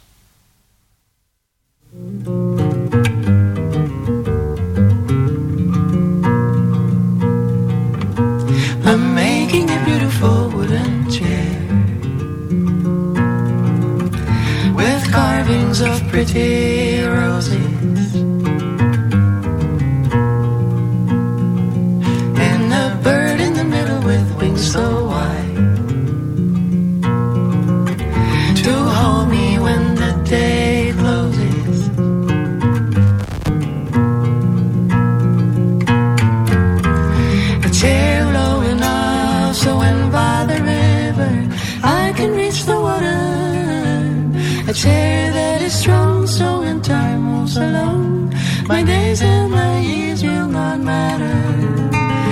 A chair is a chair till you give it a heart. A heart is a heart till you break it apart. And a part of this song was for you from the start. So sing it along, don't you worry. If you kiss the blisters on my little hands, so tired from carving all lonely. I'll pile up some wood and make a little bench to rest by my side for you only. Quan tenia 18 anys, va marxar cap a Nova York i el que ha passat a partir de llavors ja és història. El 2019 conversàvem amb ella, la reusenca Launoa, poc després de ser la primera cantant en cantar en català al programa de la televisió pública nord-americana Tiny Desk. Al maig de 2023 estrenava nou senzill, ni més ni menys que amb Jacob Collier, i des de llavors Jorge Drexler, Sílvia Pérez Cruz, Salvador Sobral s'han rendit a la seva música i han cantat amb ella les seves cançons. Launoa, benvinguda Moltes gràcies per tenir-me aquí. i enhorabona per tot plegat. Merci. Deus estar contenta. Estic molt feliç i molt cansada. L'última vegada que parlàvem, ara ho dèiem, ens estaves explicant com seria el teu primer disc. sí. Com han canviat les coses des de llavors. Doncs mira, que sé, pandèmia, tot el que el món en general ha passat, no? I el, i el microcosmos a la meva vida, que ha sigut que gràcies a tots aquests anys de estar cada un reclòs en el seu, en el seu lloc, no? a la seva casa, um, ha sorgit aquesta necessitat de, de connectar i per això crec que he acabat fent un disc de duets on el més important era la connexió entre músics tocant a la mateixa sala. Parlàvem abans de la pandèmia, això vol dir que la pandèmia ja ha tingut a veure amb aquest segon treball. Crec que la pandèmia ha tingut a veure amb el fet de que va ser quan vaig tenir temps per començar a pujar vídeos a les meves xarxes socials tocant la guitarra i gràcies a això la majoria dels artistes en aquest disc eh, van descobrir la meva música, em van contactar i així vam començar la nostra amistat, no? De fet, expliques que aquest disc és una oda a la cançó i a la guitarra. Dius que, llegeixo textualment, dius, vaig escriure 10 cançons en anglès i castellà i li vaig demanar atenció, als meus músics favorits del planeta. Sí. Així, a lo gran. Totalment. Uh, potser és així com s'aconsegueixen les coses, posant el llistó alt, no? És l'única manera. Perquè mm, jo recordo que la primera vegada que quan et vaig entrevistar deies es tracta molt de posar-li soltura, no? posar-li morro d'alguna manera. Es tracta d'això? S'ha de posar morro, però crec que morro és bueno, una manera de dir-ho. L'altra és una fe absoluta de que les coses sortiran bé si tu dones tot el que tens per donar, no? I cerques la bellesa en les coses i la profunditat i la connexió humana. Crec que això encara avui en dia, amb tota la capacitat tecnològica que tenim, és el que li tira més a la gent. El 2019 ens explicaves precisament que aquestes relacions humanes, aquestes comunitats que havies fet a Nova York, no? doncs amb la gent també immigrant, amb la gent, no? amb, la, Sí. amb músics, doncs que havies connectat, és el que t'havia permès desenvolupar-te precisament com a cantant, com a músic, no? Absolutament. En un lloc com a Nova York, on hi deus la vida, això, no? El fet de que algú et pugui ajudar en qualsevol cosa, no? Um, és tan, tan, tan important allà, més que en qualsevol altre lloc, perquè és tan difícil viure allà. M'ha ensenyat que, que, bueno, és una gran part de qui sóc com a persona i com a música avui en dia. Quan vas a Nova York també ho expliques, aquesta paradoxa de que no hi anaves precisament per dedicar-te a la música. No, no, no. Anaves a canviar d'aires, no? Uh -huh. Però suposo que dintre hi havia allò, aquell coquet de la música, no? que va sortir allà a molts quilòmetres de casa teva. Sí, Nova York és la terra més fèrtil. Si tu ja tens aquest esperit artístic, allà es desenvolupa com si fos una aloe vera, no? Va arribar la pandèmia, van arribar aquests discos a les xarxes socials i no sé quina va ser la primera col·laboració mm, que vas lligar, una mica com va anar, no sé si va ser tu que vas contactar amb l'artista, l'artista que va contactar amb tu, qui va ser el primer? El primer va ser el Salvador Sobral. Mira, justament. Um, sí, amb Wooden Chair. Um, ell i jo ens havíem conegut quan jo era un adolescent i ell eh, devia tenir 20-21 anys i estàvem en unes situacions molt complexes, no? l'un i l'altre. I després ens vam perdre de vista durant 12 anys. I la propera vegada que ens vam veure va ser per assajar la cançó el dia abans d'anar a l'estudi. Va ser Caram. una meravella retrobar-nos així. I va ser el març-abril del 2022. Dius també dues persones i dos micròfons, gravàvem cada cançó mirant-nos als ulls, a pocs centímetres l'un de l'altre, eh, els enviava a pas dir, no? cadascun un missatge de text, els dona, ens donàvem una data, agafava un tren, un avió, un autobús o el que fes falta i em trobava amb ells en aquell espai sagrat que és una cançó. És bonic, però és que és això l'essència de la música, la connexió, no? Absolutament, sí. No, no sé qui està intentant convèncer-nos de lo contrari, però no crec que ho aconsegueixi. És el que t'anava a dir, sembla que no anem cap aquí, sembla que s'està desvirtuant aquesta, aquest esperit, no? aquesta sinceritat, aquesta honestedat. Sento que, de, de fet, això juga al nostre favor, saps? Perquè així reconeixem el centre quan no hi som, saps? Això que t'has de perdre per trobar-te. Per tant, que, que sigui benvingut i ens trobarem de nou.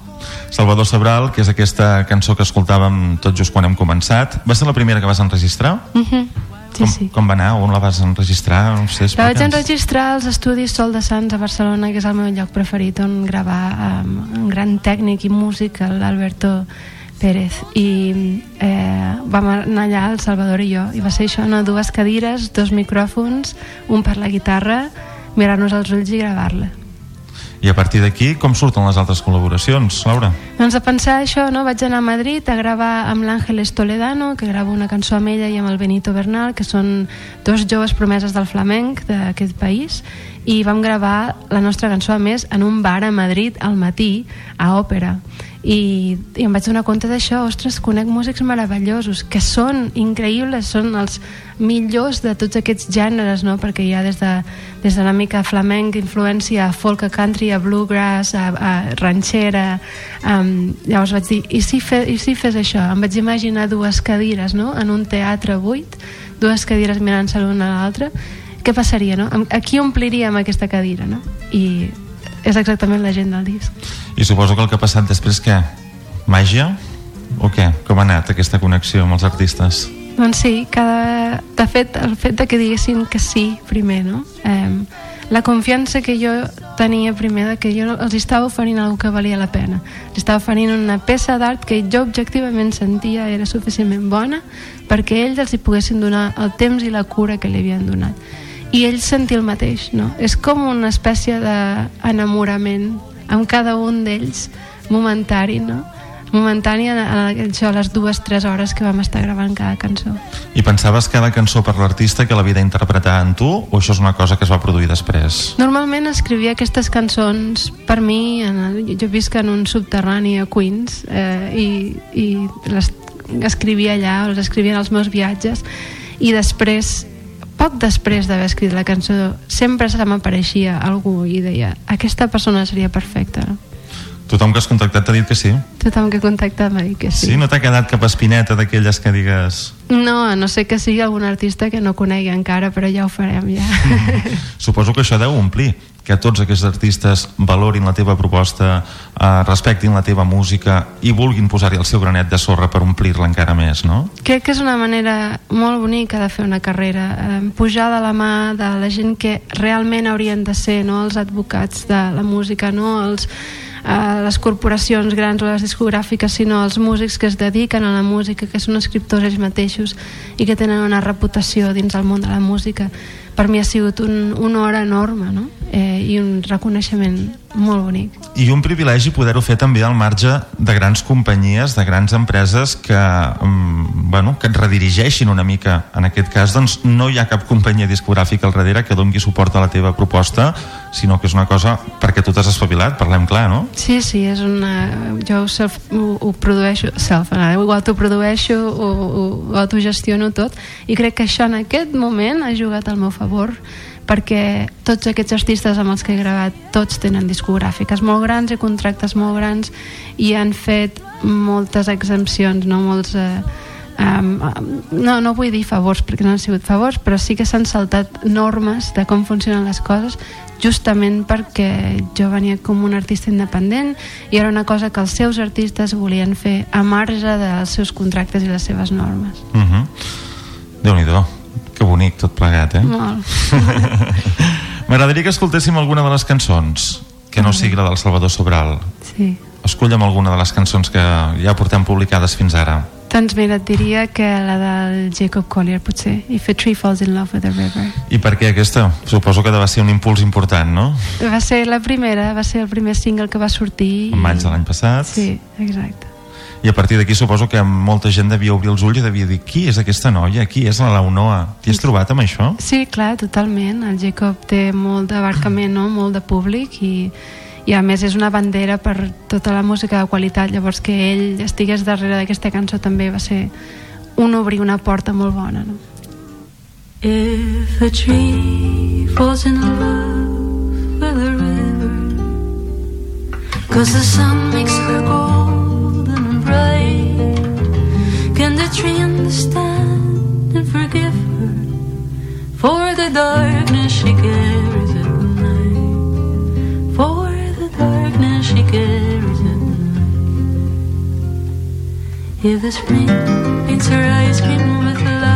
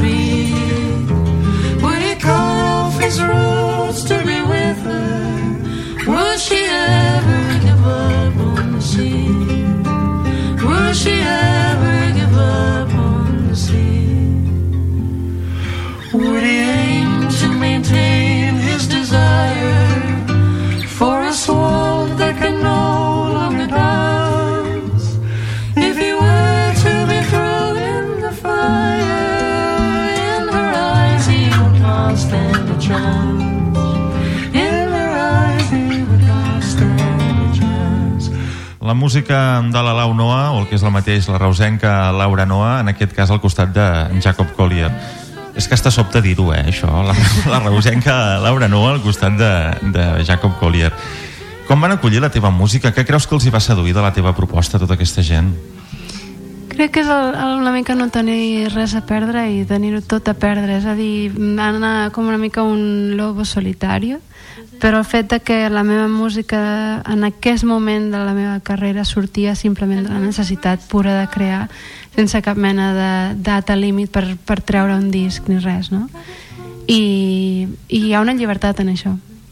I en molts casos, quan gravava amb aquests artistes, que són tots increïblement eh, eh, són grans compositors i grans performers i tot, però sí que estan dins d'un sistema que és molt apretat, que ten- tenen això, no? dates en les que han de treure música nova, encara que no els agradi, i tot això. Eh, molts d'ells em deien mentre gravàvem això és música de veritat, saps? I em sap molt de greu això, perquè òbviament ells Sí, clar. ho han fet això en algun moment, però normalment això passa al principi de la carrera d'algú i després arribes a un punt que hi ha altra gent ha de gestionar certes coses no? i tu no pots decidir tant vull pensar que hi havia una llibertat en aquesta música que els hi va fer el pes Te n'alegres tu en aquest sentit d'haver eh, estar fent la teva carrera amb aquesta independència al marge d'aquesta indústria suposo que això et permet poder mantenir encara el teu missatge, poder mantenir aquella essència que, bueno, de moment encara veiem que no s'ha pervertit, no?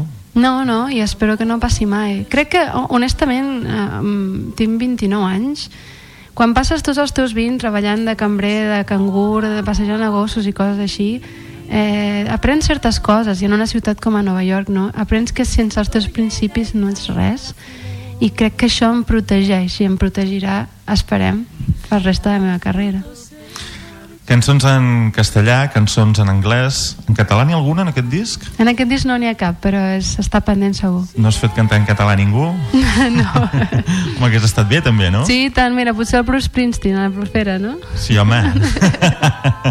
bueno, el Bruce Springsteen potser ja està més dintre d'aquest sistema i d'aquesta indústria que dèiem, eh? Però mira, t'he de dir, vaig conèixer el Jackson Brown a Los Angeles, que sí, vam vaig veure que havies coincidir. tocat amb ell alguna cosa. Sí, o- sí, vam coincidir en un concert, em vaig asseure al seu costat i no sabia qui, no el vaig reconèixer i vam acabar parlant i em va convidar al seu estudi el dia següent i vam tocar junts i em va passar una nota de veu d'una traducció que havia fet ell cantant el Boig per tu en anglès Uau. boníssim Uau. sí, sí. Carai, si això se n'entera el Pep Sala, encara estarà aquí trucant al Jackson Brown per fer alguna, alguna col·laboració. segur que ho sap eh? Pot ser, Sí. pot ser, pot ser. Què tal això de tocar per Europa? 18 concerts entre novembre i desembre, no? T'hem pogut veure a Anglaterra, Irlanda, Alemanya, a França, no? Conjuntament amb el Ben Folds. Com ha anat l'experiència? Tornar a Europa, no? No ho sé.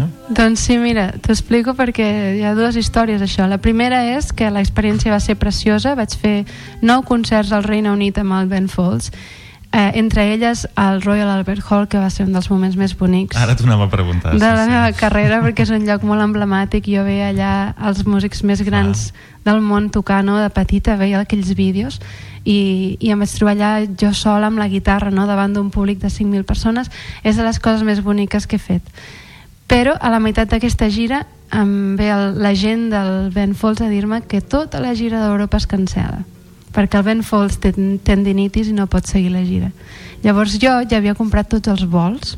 Tenia dues opcions. Una, tornar a Nova York o fer el que vaig fer que va ser fer un post a Instagram i dir mireu, tinc aquests vols i tinc molt d'amor per donar encara. Qui em vol donar un concert? I en tres dies vaig aconseguir una gira de 15 concerts per la resta d'Europa en dues setmanes Uau, que va ser una meravella sí, va ser preciós poder-ho fer això juntament amb un grup de, de desconeguts no? que els agrada la meva música Per tant, vas fer mitja gira amb el Ben Folds i mitja gira... sola Tu sola? Sí. I què, bon, què tal, la gent? No, meravellós, bueno, era gent que venia a veure'm a mi expressament, no? que és una cosa molt bonica i tocar a clubs, a museus, a galeries d'art així a l'últim moment que van obrir-me les portes això és un, un amor internacional tan bonic no? I coneixia algú la teva música o què allà? Clar, és que això és el que era la gent venia perquè em coneixia perquè això, a l'últim moment no pots fer publicitat de res no? Sí, sí. Caram, déu nhi molt bé. I a partir d'ara, què, et veurem en directe? Sí, tinc pensat venir a fer una gira pel territori espanyol i Catalunya a la primavera-estiu. Reus? Reus segur. Segur? Segur, segur. A veure, com fa que no hi toques a Reus? 2019 a la biblioteca, potser? Crec que va ser el 2021 al Bertrina. Ah, pot ser. Sí, crec que sí. No recordava. bueno, ja pot ser, ja pot ser. Molt bé, doncs a veure si et podem veure aviat a casa. Gràcies. A partir de doncs, aquest divendres ja podem escoltar tot el disc sencer. Quines col·laboracions més hi haurà? L'Àngeles Toledano, la Cecil McLaurin Salvant, el Chris Tilly, la Gaby Moreno, bueno, ja hem dit el Jorge Drexler, Silvia Pérez Cruz, Jacob Collier, gent meravellosa. Molt bé, doncs convidem a la gent a entrar a les plataformes, buscar l'Aunoa, gaudir, deixar-se emportar d'aquest disc i escolta'm, que la gent flueixi escoltant aquest àlbum. Laura, moltíssimes gràcies per tot. Merci. Moltíssima sort i que sàpiguis que aquí ens n'alegrem sempre que veiem alguna cosa, algun titular amb la Laura Noa, em dir, mira, és de Reus, eh, és de casa nostra i està triomfant al llarg del món. Gràcies. Que vagi bé, Laura, gràcies. Igualment. Adéu-siau. Este mundo paraíso no es vivir como uno quiso, la fortuna más dichosa. Con los años más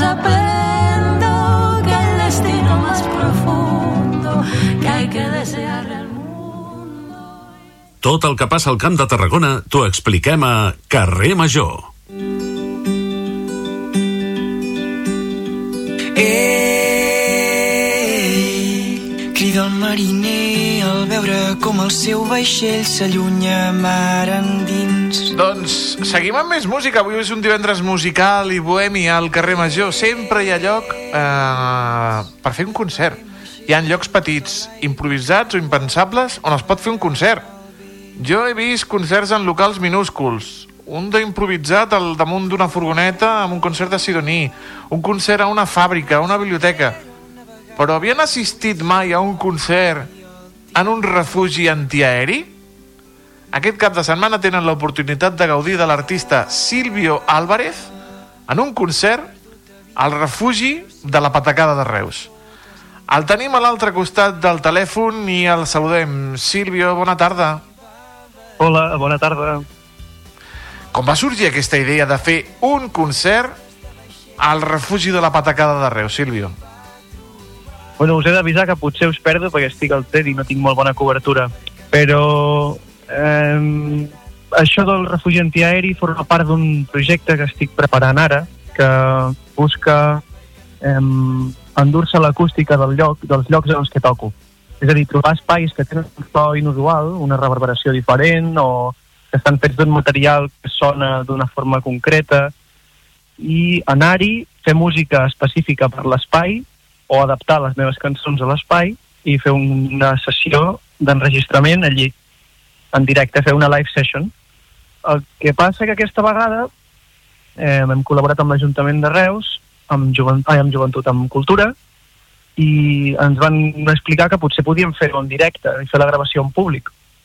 Així que ho hem obert al públic de forma extraordinària perquè no era la intenció i no res, aquesta és la segona entrega de gravacions que farem en espais inusuals. La primera va ser el, el Teatre Bertrina i aquesta vegada doncs, el refugi antiaeri, que és un lloc que sona super especial, té una reverberació super curiosa i, i res, portarem uns temes nous que estem preparant, que encara no hem publicat.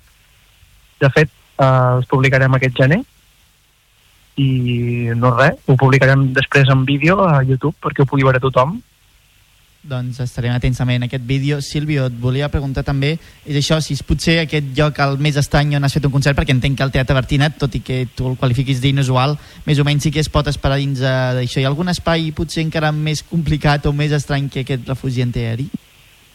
Mira, doncs, um, ja tenim preparats una, uns quants espais en els que tocarem. Aquest és un dels més estranys, el refugi antiari és un lloc molt, molt únic i molt, molt raro, però um, els, la, següent, la següent sessió que farem la farem al, a l'antiga caixa forta de l'antiga sucursal del Banc Central d'Espanya, que hi havia Reus, que està sota del, del Museu de Reus. És una caixa forta molt gran on hi guarden restes arquitectòniques de Reus i nosaltres muntarem allí una petita sessió. I té una acústica molt curiosa perquè abans d'entrar a la sala, abans d'entrar a la caixa forta, hi ha moltíssima reverberació perquè és una escala de cargol que baixa i quan entres dins de la sala es recull tot el so i queda sec, completament sec i és curiós perquè està recobert de parets d'acer i de portes d'acer que haurien de tenir algun tipus de reflexió però curiosament sona super sec i no sé, vam trobar que era un espai molt interessant i farem una tercera sessió allí. En tenim unes quantes més de preparades, però ens volem guardar la sorpresa i el secret. Encara no podem parlar. Perquè, Sílvio, has parlat de la sonoritat del, del refugi de la Patacada. Has parlat de la sonoritat de la caixa forta aquesta del Banco d'Espanya d'allà de, de, de Reus. Per tu l'acústica sí. És, és també importantíssima, un espai d'experimentació, potser?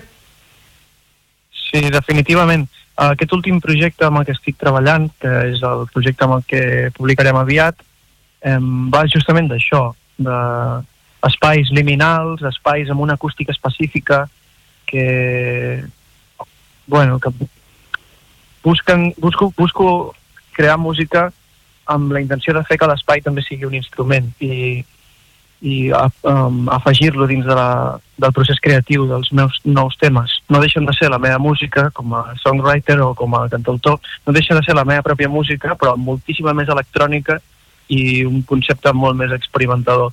He estat estudiant molt la física del so, amb classes d'acústica i he estat eh, investigant per la meva compte i, bueno, com que estic treballant de productor, inevitablement em trobo molt a prop del món de l'acústica i de la física del so. Llavors, no he pogut evitar introduir-ho en aquest nou projecte. I, tot, Sí, i tota aquesta feina, Sílvio, també una mica com influeix en la teva faceta com a cantautor, perquè al final, no oblidem que ets un cantautor, també influeix en certa manera a l'hora de, eh, doncs de, de crear cançons o de, o, de, o de crear també amb la música, entenc que va acompanyat de la mà. Ho ha canviat tot, definitivament. Eh, de fet, aquest tema que sonava just ara quan no he trucat, que hem posat d'introducció, no té res a veure amb la música que estic fent ara. tot i que no, no ho podeu saber perquè tampoc l'he publicat encara. A finals de gener publicaré un dels temes nous, o un parell, i podreu comprovar com ha canviat tot. Però definitivament mm, en- entrar dins el món de la producció ha canviat del tot la meva forma de percebre la música i d'entendre quina persona, quin, quina identitat artística tinc i qui sóc i no, no, tinc, no tinc res a veure amb qui era abans. De fet, part de la gràcia és que encara no ho sé qui sóc. Simplement estic gaudint d'aquest procés. Un nou Silvio, a New Silvio, A New Silvio, total. A més a més, eh, Sílvio, com tinc entès que a tu t'agrada experimentar, t'agrada adaptar-te als espais, eh, t'agrada doncs, submergir-te, eh, gaudir de la textura, dels materials. Eh, sona diferent eh, si toques, per exemple, el refugi antiaeri a si toques el castell del Pavorde, per exemple, aquí a la Selva del Camp? Sí, completament. Mm, el que busco amb aquest tipus d'experimentació és no avorrir-me. No avorrir-me de mi mateix, no avorrir-me de, de les meves cançons, no avorrir-me d'això, de la meva identitat artística. Però les lletres, les lletres han canviat, la del, la del anterior Silvio al Silvio d'ara? Sí, són bastant folques, són més madures, diferents. Cada... Ui, l'estem perdent, com ha dit que estava en Sí, el ara tren, sí estem perdent una mica el Silvio, eh, mentrestant que soni, soni la seva música, a veure si el recuperem, si el podem recuperar. Recordem- Hola, hola. Silvio, est- estàs per aquí? ara, ah, fantàstic, fantàstic. Ah, Dic sí, que- però estic entrant a túnels. Sí, ai, en- amic meu, els túnels. trens, ai, la Renfe, sempre ens porten aquestes coses. Eh, podríem dir que els teus concerts són únics i irrepetibles, Silvio? No ens escolta. Ara ja... E- És curiós, no?, perquè ell fa un concert en espais únics, però no sé si tampoc s'esperava fer una entrevista en un espai també tan especial com és un tren, no? Home, podria fer un concert a, a, a un vagó Un de tren. tren. Sí, sí, a veure, s'han fet monòlegs en un vagó de tren, se n'han fet. Eh, ja saps que els vagons de tren sempre estan plens de gent i un, bueno, concerts a un vagó de tren també se'n fan. De metro, també, se n'han sí, fet Sí, amb- que al metro, quan ve Però aquest més senyor... amb metro el- que tren. Tren com a tal. Sí, però que- tren també, eh? Quan apareixen allà amb aquells altaveus i tot això. Estàvem parlant amb el Silvio Álvarez, aquest eh, cantautor reusenc, que demà, si no tinc mal entès, Sí, farà un mateix, concert... les Digues, per... sí. digues, Alice, Sí, sí. perdona, digues. No, no, deia això, que és, és demà a les, a les 8, si no m'equivoco. A les 8 de la tarda doncs, farà aquest concert al refugi de la Patacada de Reus. Poden aconseguir les entrades eh, a través de la pàgina web de l'Ajuntament No, no, de Reus perquè- en les... Digues, m'han arribat, arribat un d'això que, que han dit que no, que estan exaurides ja, que és una Ja experiència concreta per una vintena de persones, no per més, és una experiència única que tenen la sort de viure aquestes gairebé 20 persones que hi podran ser, però bueno, com ha comentat el Silvio, es podrà recuperar al seu canal de YouTube, ja que es gravarà, s'enregistrarà tota aquesta sessió. Fantàstic, doncs ja ho saben, amics i amigues, ho podran veure ben aviat. Eh, donem les gràcies a Sí, Silvio Álvarez, el cantautor resenc, i ens en recordem de Renfe i dels túnels i de la mala cobertura, i anem amb els tonis. Carrer Major, a la teva ràdio de proximitat.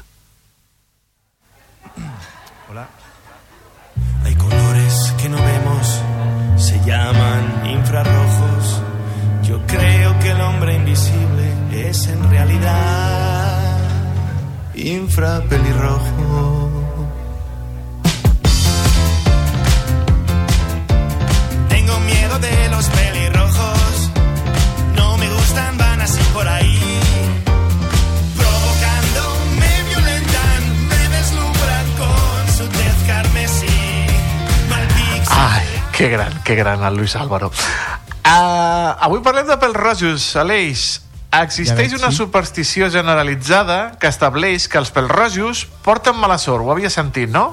Eh, sí, és, però és una mica rotllo edat mitjana, no? Les típiques pel·lis de l'edat mitjana que Sí. cremaven i això. Sí, Hi ha creences que la gent amb el cabell vermell porta la mala sort, són fills del dimoni, provenen de bruixes i d'elfs, i han patit al llarg de la història persecucions i assassinats. Des de l'inici dels temps, els pelrojos han estat temuts i adorats a parts iguals. A causa de la poca freqüència amb la que trobem un, pel, un pèl roig i que succeeix això a la naturalesa, els pèls rojos s'han enfrontat a molts estigmes al llarg de la història. Durant segles, moltes cultures diferents els ha associat, com hem dit, a la màgia i a lo que és sobrenatural. Per exemple, a la Grècia clàssica es pensava que quan un pèl roig moria es convertia en un vampir. Com et quedes? Eh, bastant... Eh, en un vampir, no havia sentit mai jo, això.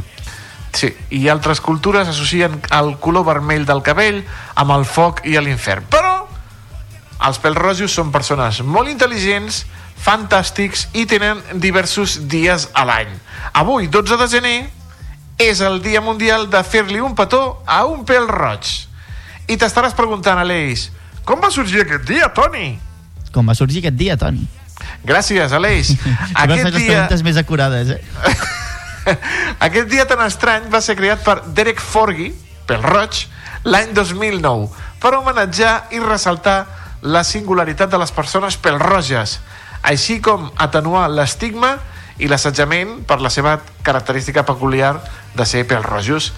I què millor manera que demostrar-ho fent un petó amb un pèl roig. Aquesta tradició, com hem dit, es va iniciar al 2009 als Estats Units per contrarrestar un moviment violent anomenat Kick a Ginger Day, que vol dir dia de colpejar a un pèl roig. Aquest dia, per colpejar un pèl roig, es va originar arran d'un episodi de la meravellosa sèrie animada South Park, en la que el Carmen, el nostre amic Carmen, eh, deia que odiava els pèls rojos i que havíem, que havíem de pagar-los.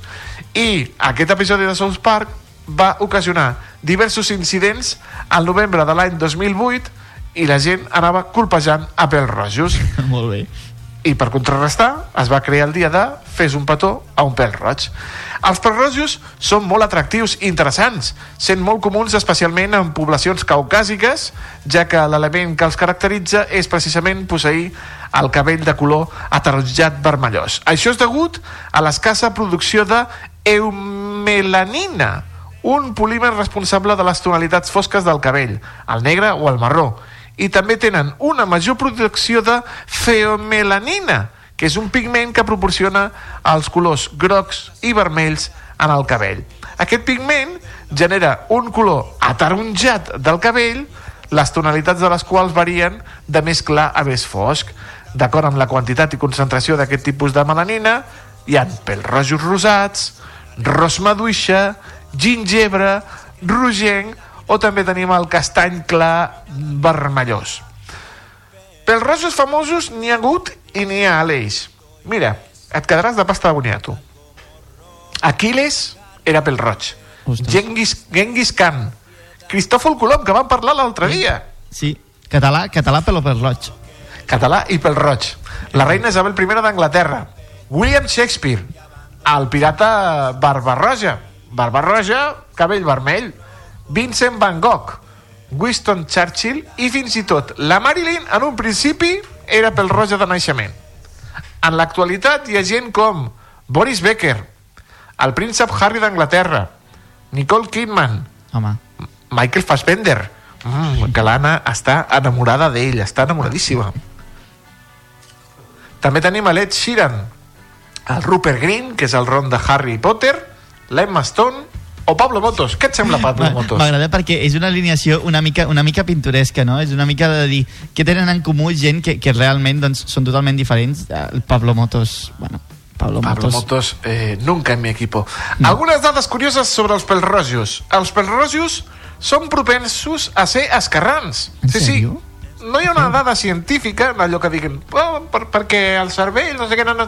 però segons les estadístiques hi ha una gran quantitat de pelrojos que escriuen amb la mà esquerra. El cabell vermellós és el més complicat de tenyir. Tendeix a ser molt difícil tenyir un pèl roig per la seva pigmentació. Per tenyir un pèl roig, primer es necessita un procés de decoloració per convertir el cabell en un to més clar i després eh, enfosquir-lo. Els pèls rojos poden ser també més propensos a desenvolupar la malaltia del Parkinson. Com t'has quedat? Es Doncs, tornen sí, sí, especialment vulnerables a aquesta malaltia a causa del gen MCUR, que limita la quantitat de, dop- de dopamina alliberada en el cervell i que en els pèls rojos doncs, és més baixeta. Una creença popular eh, i comuna entre els científics és que els pèls rojos requereixen més anestèsia a causa de la seva menor tolerància al dolor. Uau. T'has quedat, Aleix? això, no, només- això sí que sona una mica més de llegenda urbana, eh? No, no, doncs és veritat. Això és causat per la mutació que també afecta el color del seu cabell. Un estudi realitzat l'any 2004 va trobar que les persones pèl-roges requereixen un 20% més d'anestèsia quan s'han de sotmetre a procediments mèdics que les persones rosses o morenes o, o castanyes. També pateixen hematomes més fàcilment com tenen la, el melanoma, doncs també, eh, perdó, les persones pèl-roges també són més propenses a desenvolupar un melanoma. Pobrets, mare de Déu, senyor. Quantes coses, Són- eh? Pobres, sí. Tenen moltes coses i com poques bones, eh? Poques bones. Els pèl-rojos també són més sensibles als canvis de temperatura. Ara deuen estar congelats, perquè estem a 6-8 graus. O sigui. Els científics creuen que és degut al gen MCUR, que també ha mutat els seus sentits. Mira, el que allibera la dopamina en el cervell. Ai, pobrets pèl-rojos. Els pèl-rojos, com hem dit, conformen una mica més del 1% de la població mundial i on estan els pèl-rojos? Doncs en els següents països. N'hi ha molts pèl-rojos a Escòcia, a Irlanda, a Noruega, a Islàndia, a Dinamarca, a l'occident de Suècia, veus? A l'Orient de Suècia, tenen no, a l'Orient de Suècia no, no vagis perquè no te'n trobaràs ni un de pèl roig. Occident, Occident. Occident de Suècia, Orient de Suècia no. Al nord d'Alemanya, al Regne Unit, a Bèlgica i a Països Baixos és on més quantitat de pèl-rojos es concentren. Avui, 12 de gener, Dia Internacional de fer-li un petó a un pèl-roig. Però, Aleix, Digue'm. eh, tu ets... Eh, tens el cabell així moreno, no? Sí, ja Sí, bastant moreno. fosquet. Ma germana Així- sí que té una mica... Ma germana sí que té una mica de... de és una mica pèl roja. Quan li toca molt el sol sí que es torna pèl roja. Pues fes-li un petó. Li faré un petó a ma germana, sí. fes-li un petó.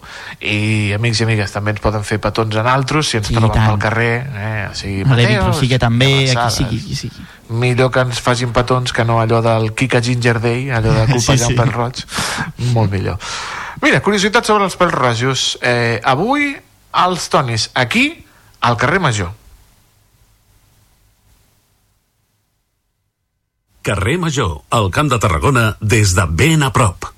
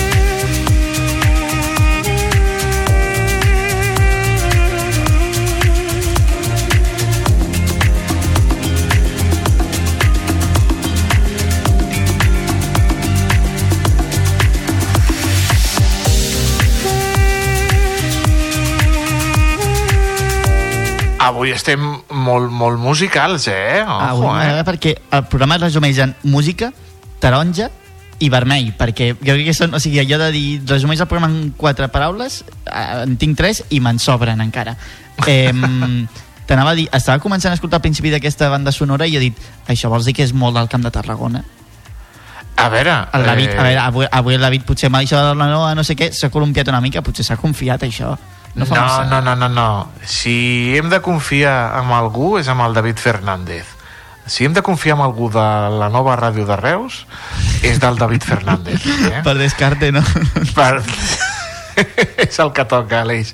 I estic segur que aquesta banda sonora, tot i que soni molt chill out, molta música així eh, de club, segur que té algo del Camp de Tarragona i ens ho aclarirà el propi David Fernández, que el saludem. David Fernández, bona tarda. Hola Toni, hola Aleix, molt bona tarda. Avui acabem la setmana, acabem aquest divendres amb música electrònica, això sí, música electrònica tranquil·leta, relaxada i que ens convida doncs, a prendre'ns un cap de setmana a la Marta Tranquil.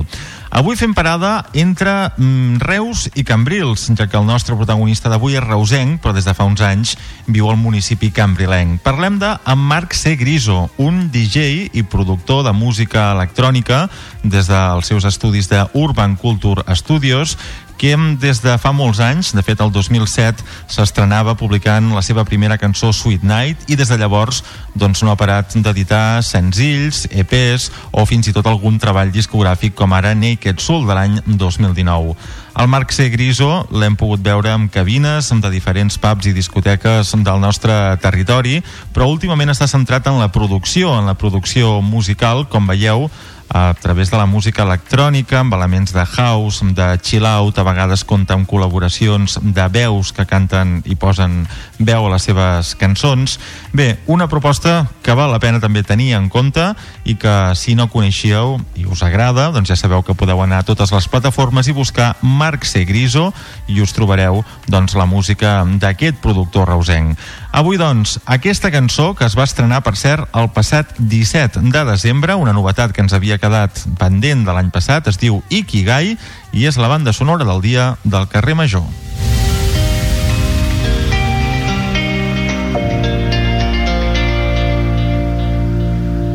Home, el, el Mercè Grisó sí. és, és Cambri... Bueno, eh, nascut a Reus, però és de, és de Cambrils, ja té allà la, la vida muntada a Cambrils.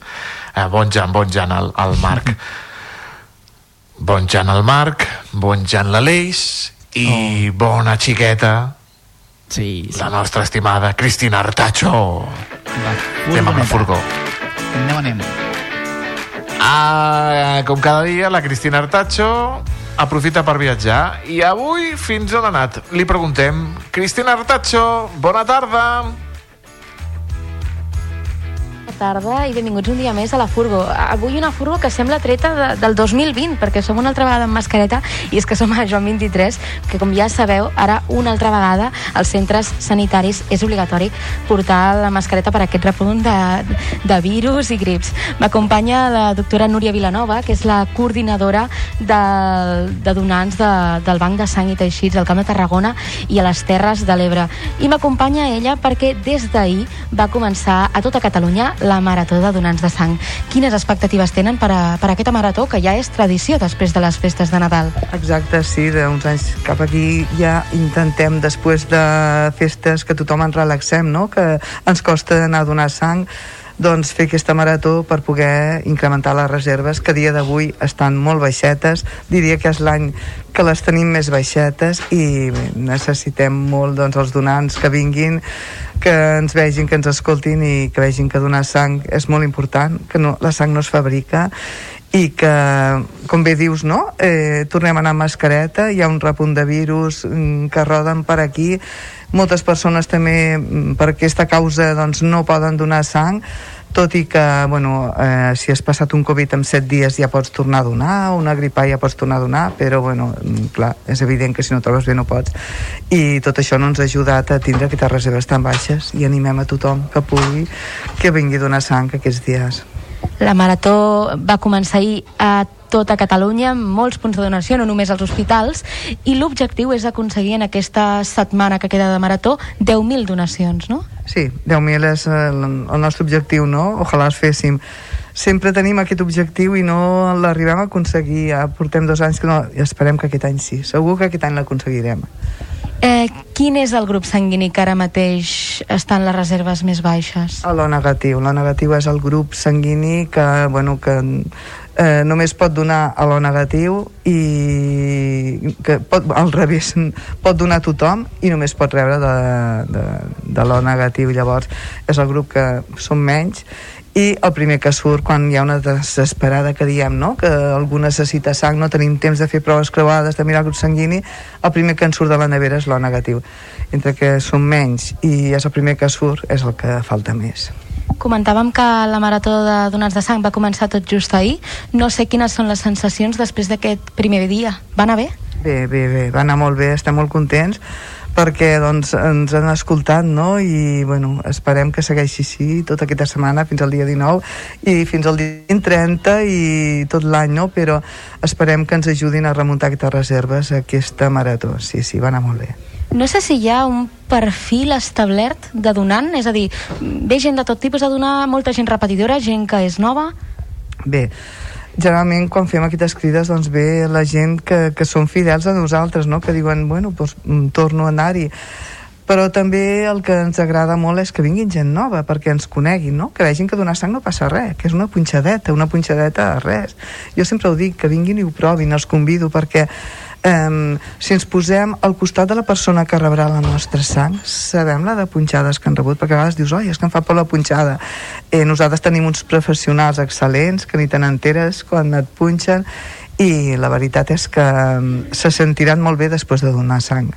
Sí, perquè a més, no, per les persones que van a donar sang, tu saps en quin moment la teva sang està... Se, se li, la rep una altra persona, no? Sí, sí, sí. Al cap d'uns dies que hem donat sang, rebem un SMS que ens diu la teva sang està sortint cap a l'Hospital Clínic de Barcelona, cap a l'Hospital Verge la Cinta de Tortosa, cap a Joan 23 i rebre aquest missatge de veritat que és molt, molt satisfactori i, i el que et dic, no? convido que tothom que vingui a donar sang que quan el rebi se sentirà superbé veurà que haver vingut aquí 10 minutets de la teva vida pots salvar la vida si més no donar qualitat de vida a una persona I ara doncs ens trobem en aquest moment no, de, de la marató ja típica després de les festes però recordar també que el banc de sang hi és sempre i no només cal donar en aquesta setmana Sí, sí, evidentment. Pensem que cada dia, a Catalunya, cada dia es necessiten mil donacions de sang. Avui, mil persones rebran sang, o sigui que si no és pel nostre braç eh, que posem solidari altruistament, no podríem transfondre en aquestes mil persones. És cada dia que es necessita. Comentava també ja per anar acabant que a nivell de Catalunya necessitem 10.000 donacions, o seria l'objectiu l'ideal durant aquesta setmana.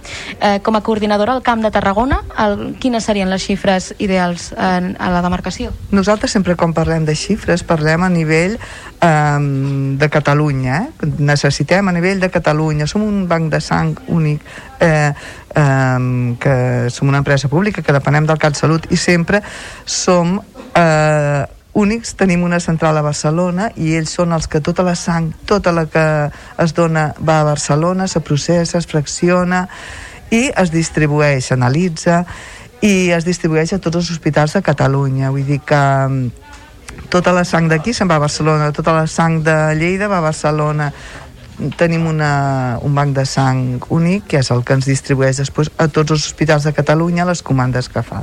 És a dir, que és indiferent realment si donem a l'Hospital Joan 23, a, a l'Hospital Clínic, que la nostra sang pot arribar a qualsevol indret de Catalunya. Ningú, per sort, es quedarà sense sang, mai. Doncs moltíssimes gràcies a la Núria Vilanova, la coordinadora del Banc de Sang i de Teixits aquí al Camp de Tarragona i a les Terres de l'Ebre. Ens quedem amb aquest missatge de tothom qui pugui fer-ho, que vagi a donar sang, que de ben segur ajudarà persones que ho necessiten i mai sabem si serem nosaltres qui necessitarem aquesta sang. Moltíssimes gràcies, doctora Vilanova, i nosaltres ens veiem a la propera furgó. Fins la propera. Adeu. Gràcies, Cristina. Recordin, amics i amigues, amb una vegada no n'hi ha prou. Eh, vagin a donar sang. I si a més a més eh, és un petit gest que no costa res i que pot salvar moltes, moltes vides. Tu ets donant, Aleix? Exacte, sí, Toni, jo intento sempre, si puc, donar quatre vegades l'any i a més destacar també tot el tracte que fan les infermeres i, Home. i les metgesses, que és excepcional, la veritat. Crec que és, és, és genial tenir gent així que, que doni un cop de mà. Nosaltres tornem dilluns. Que passin un molt bon cap setmana. de setmana. Bon cap de setmana, Aleix. Igualment.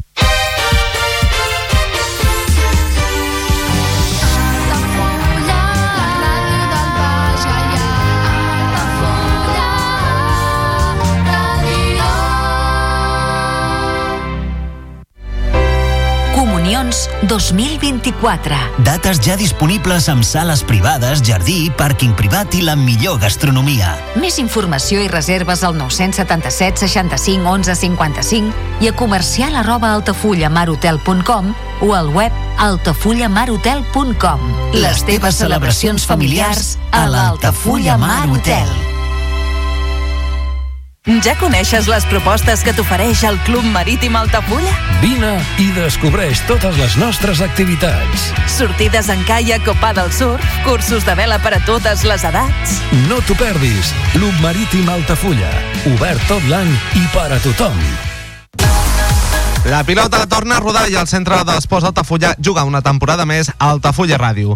Els groc i negre reben a un candidat al títol i l'ascens al Sant Pere Sant Pau amb la voluntat d'aconseguir la primera victòria del 2024 davant l'afició i seguir la bona ratxa al Joan Pijuan. Aquest dissabte, a partir de les 5 de la tarda, segueix el partit en directe a través del 107.4 de la freqüència modulada, al web 3 altafullaradio.cat, l'aplicació per a dispositius mòbils o la televisió digital terrestre. El futbol més modest sona Altafulla Ràdio.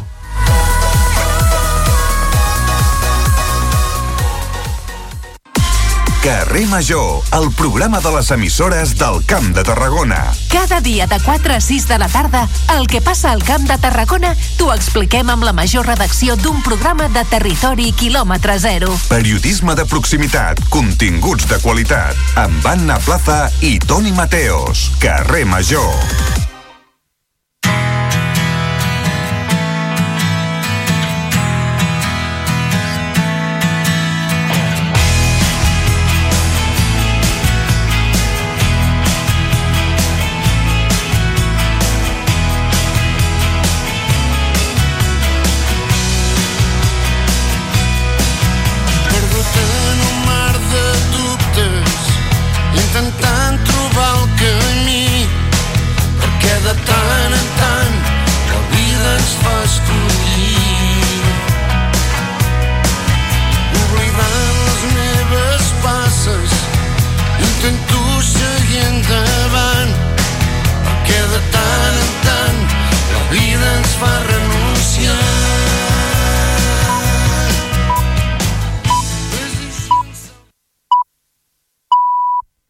Són les 6 de la tarda.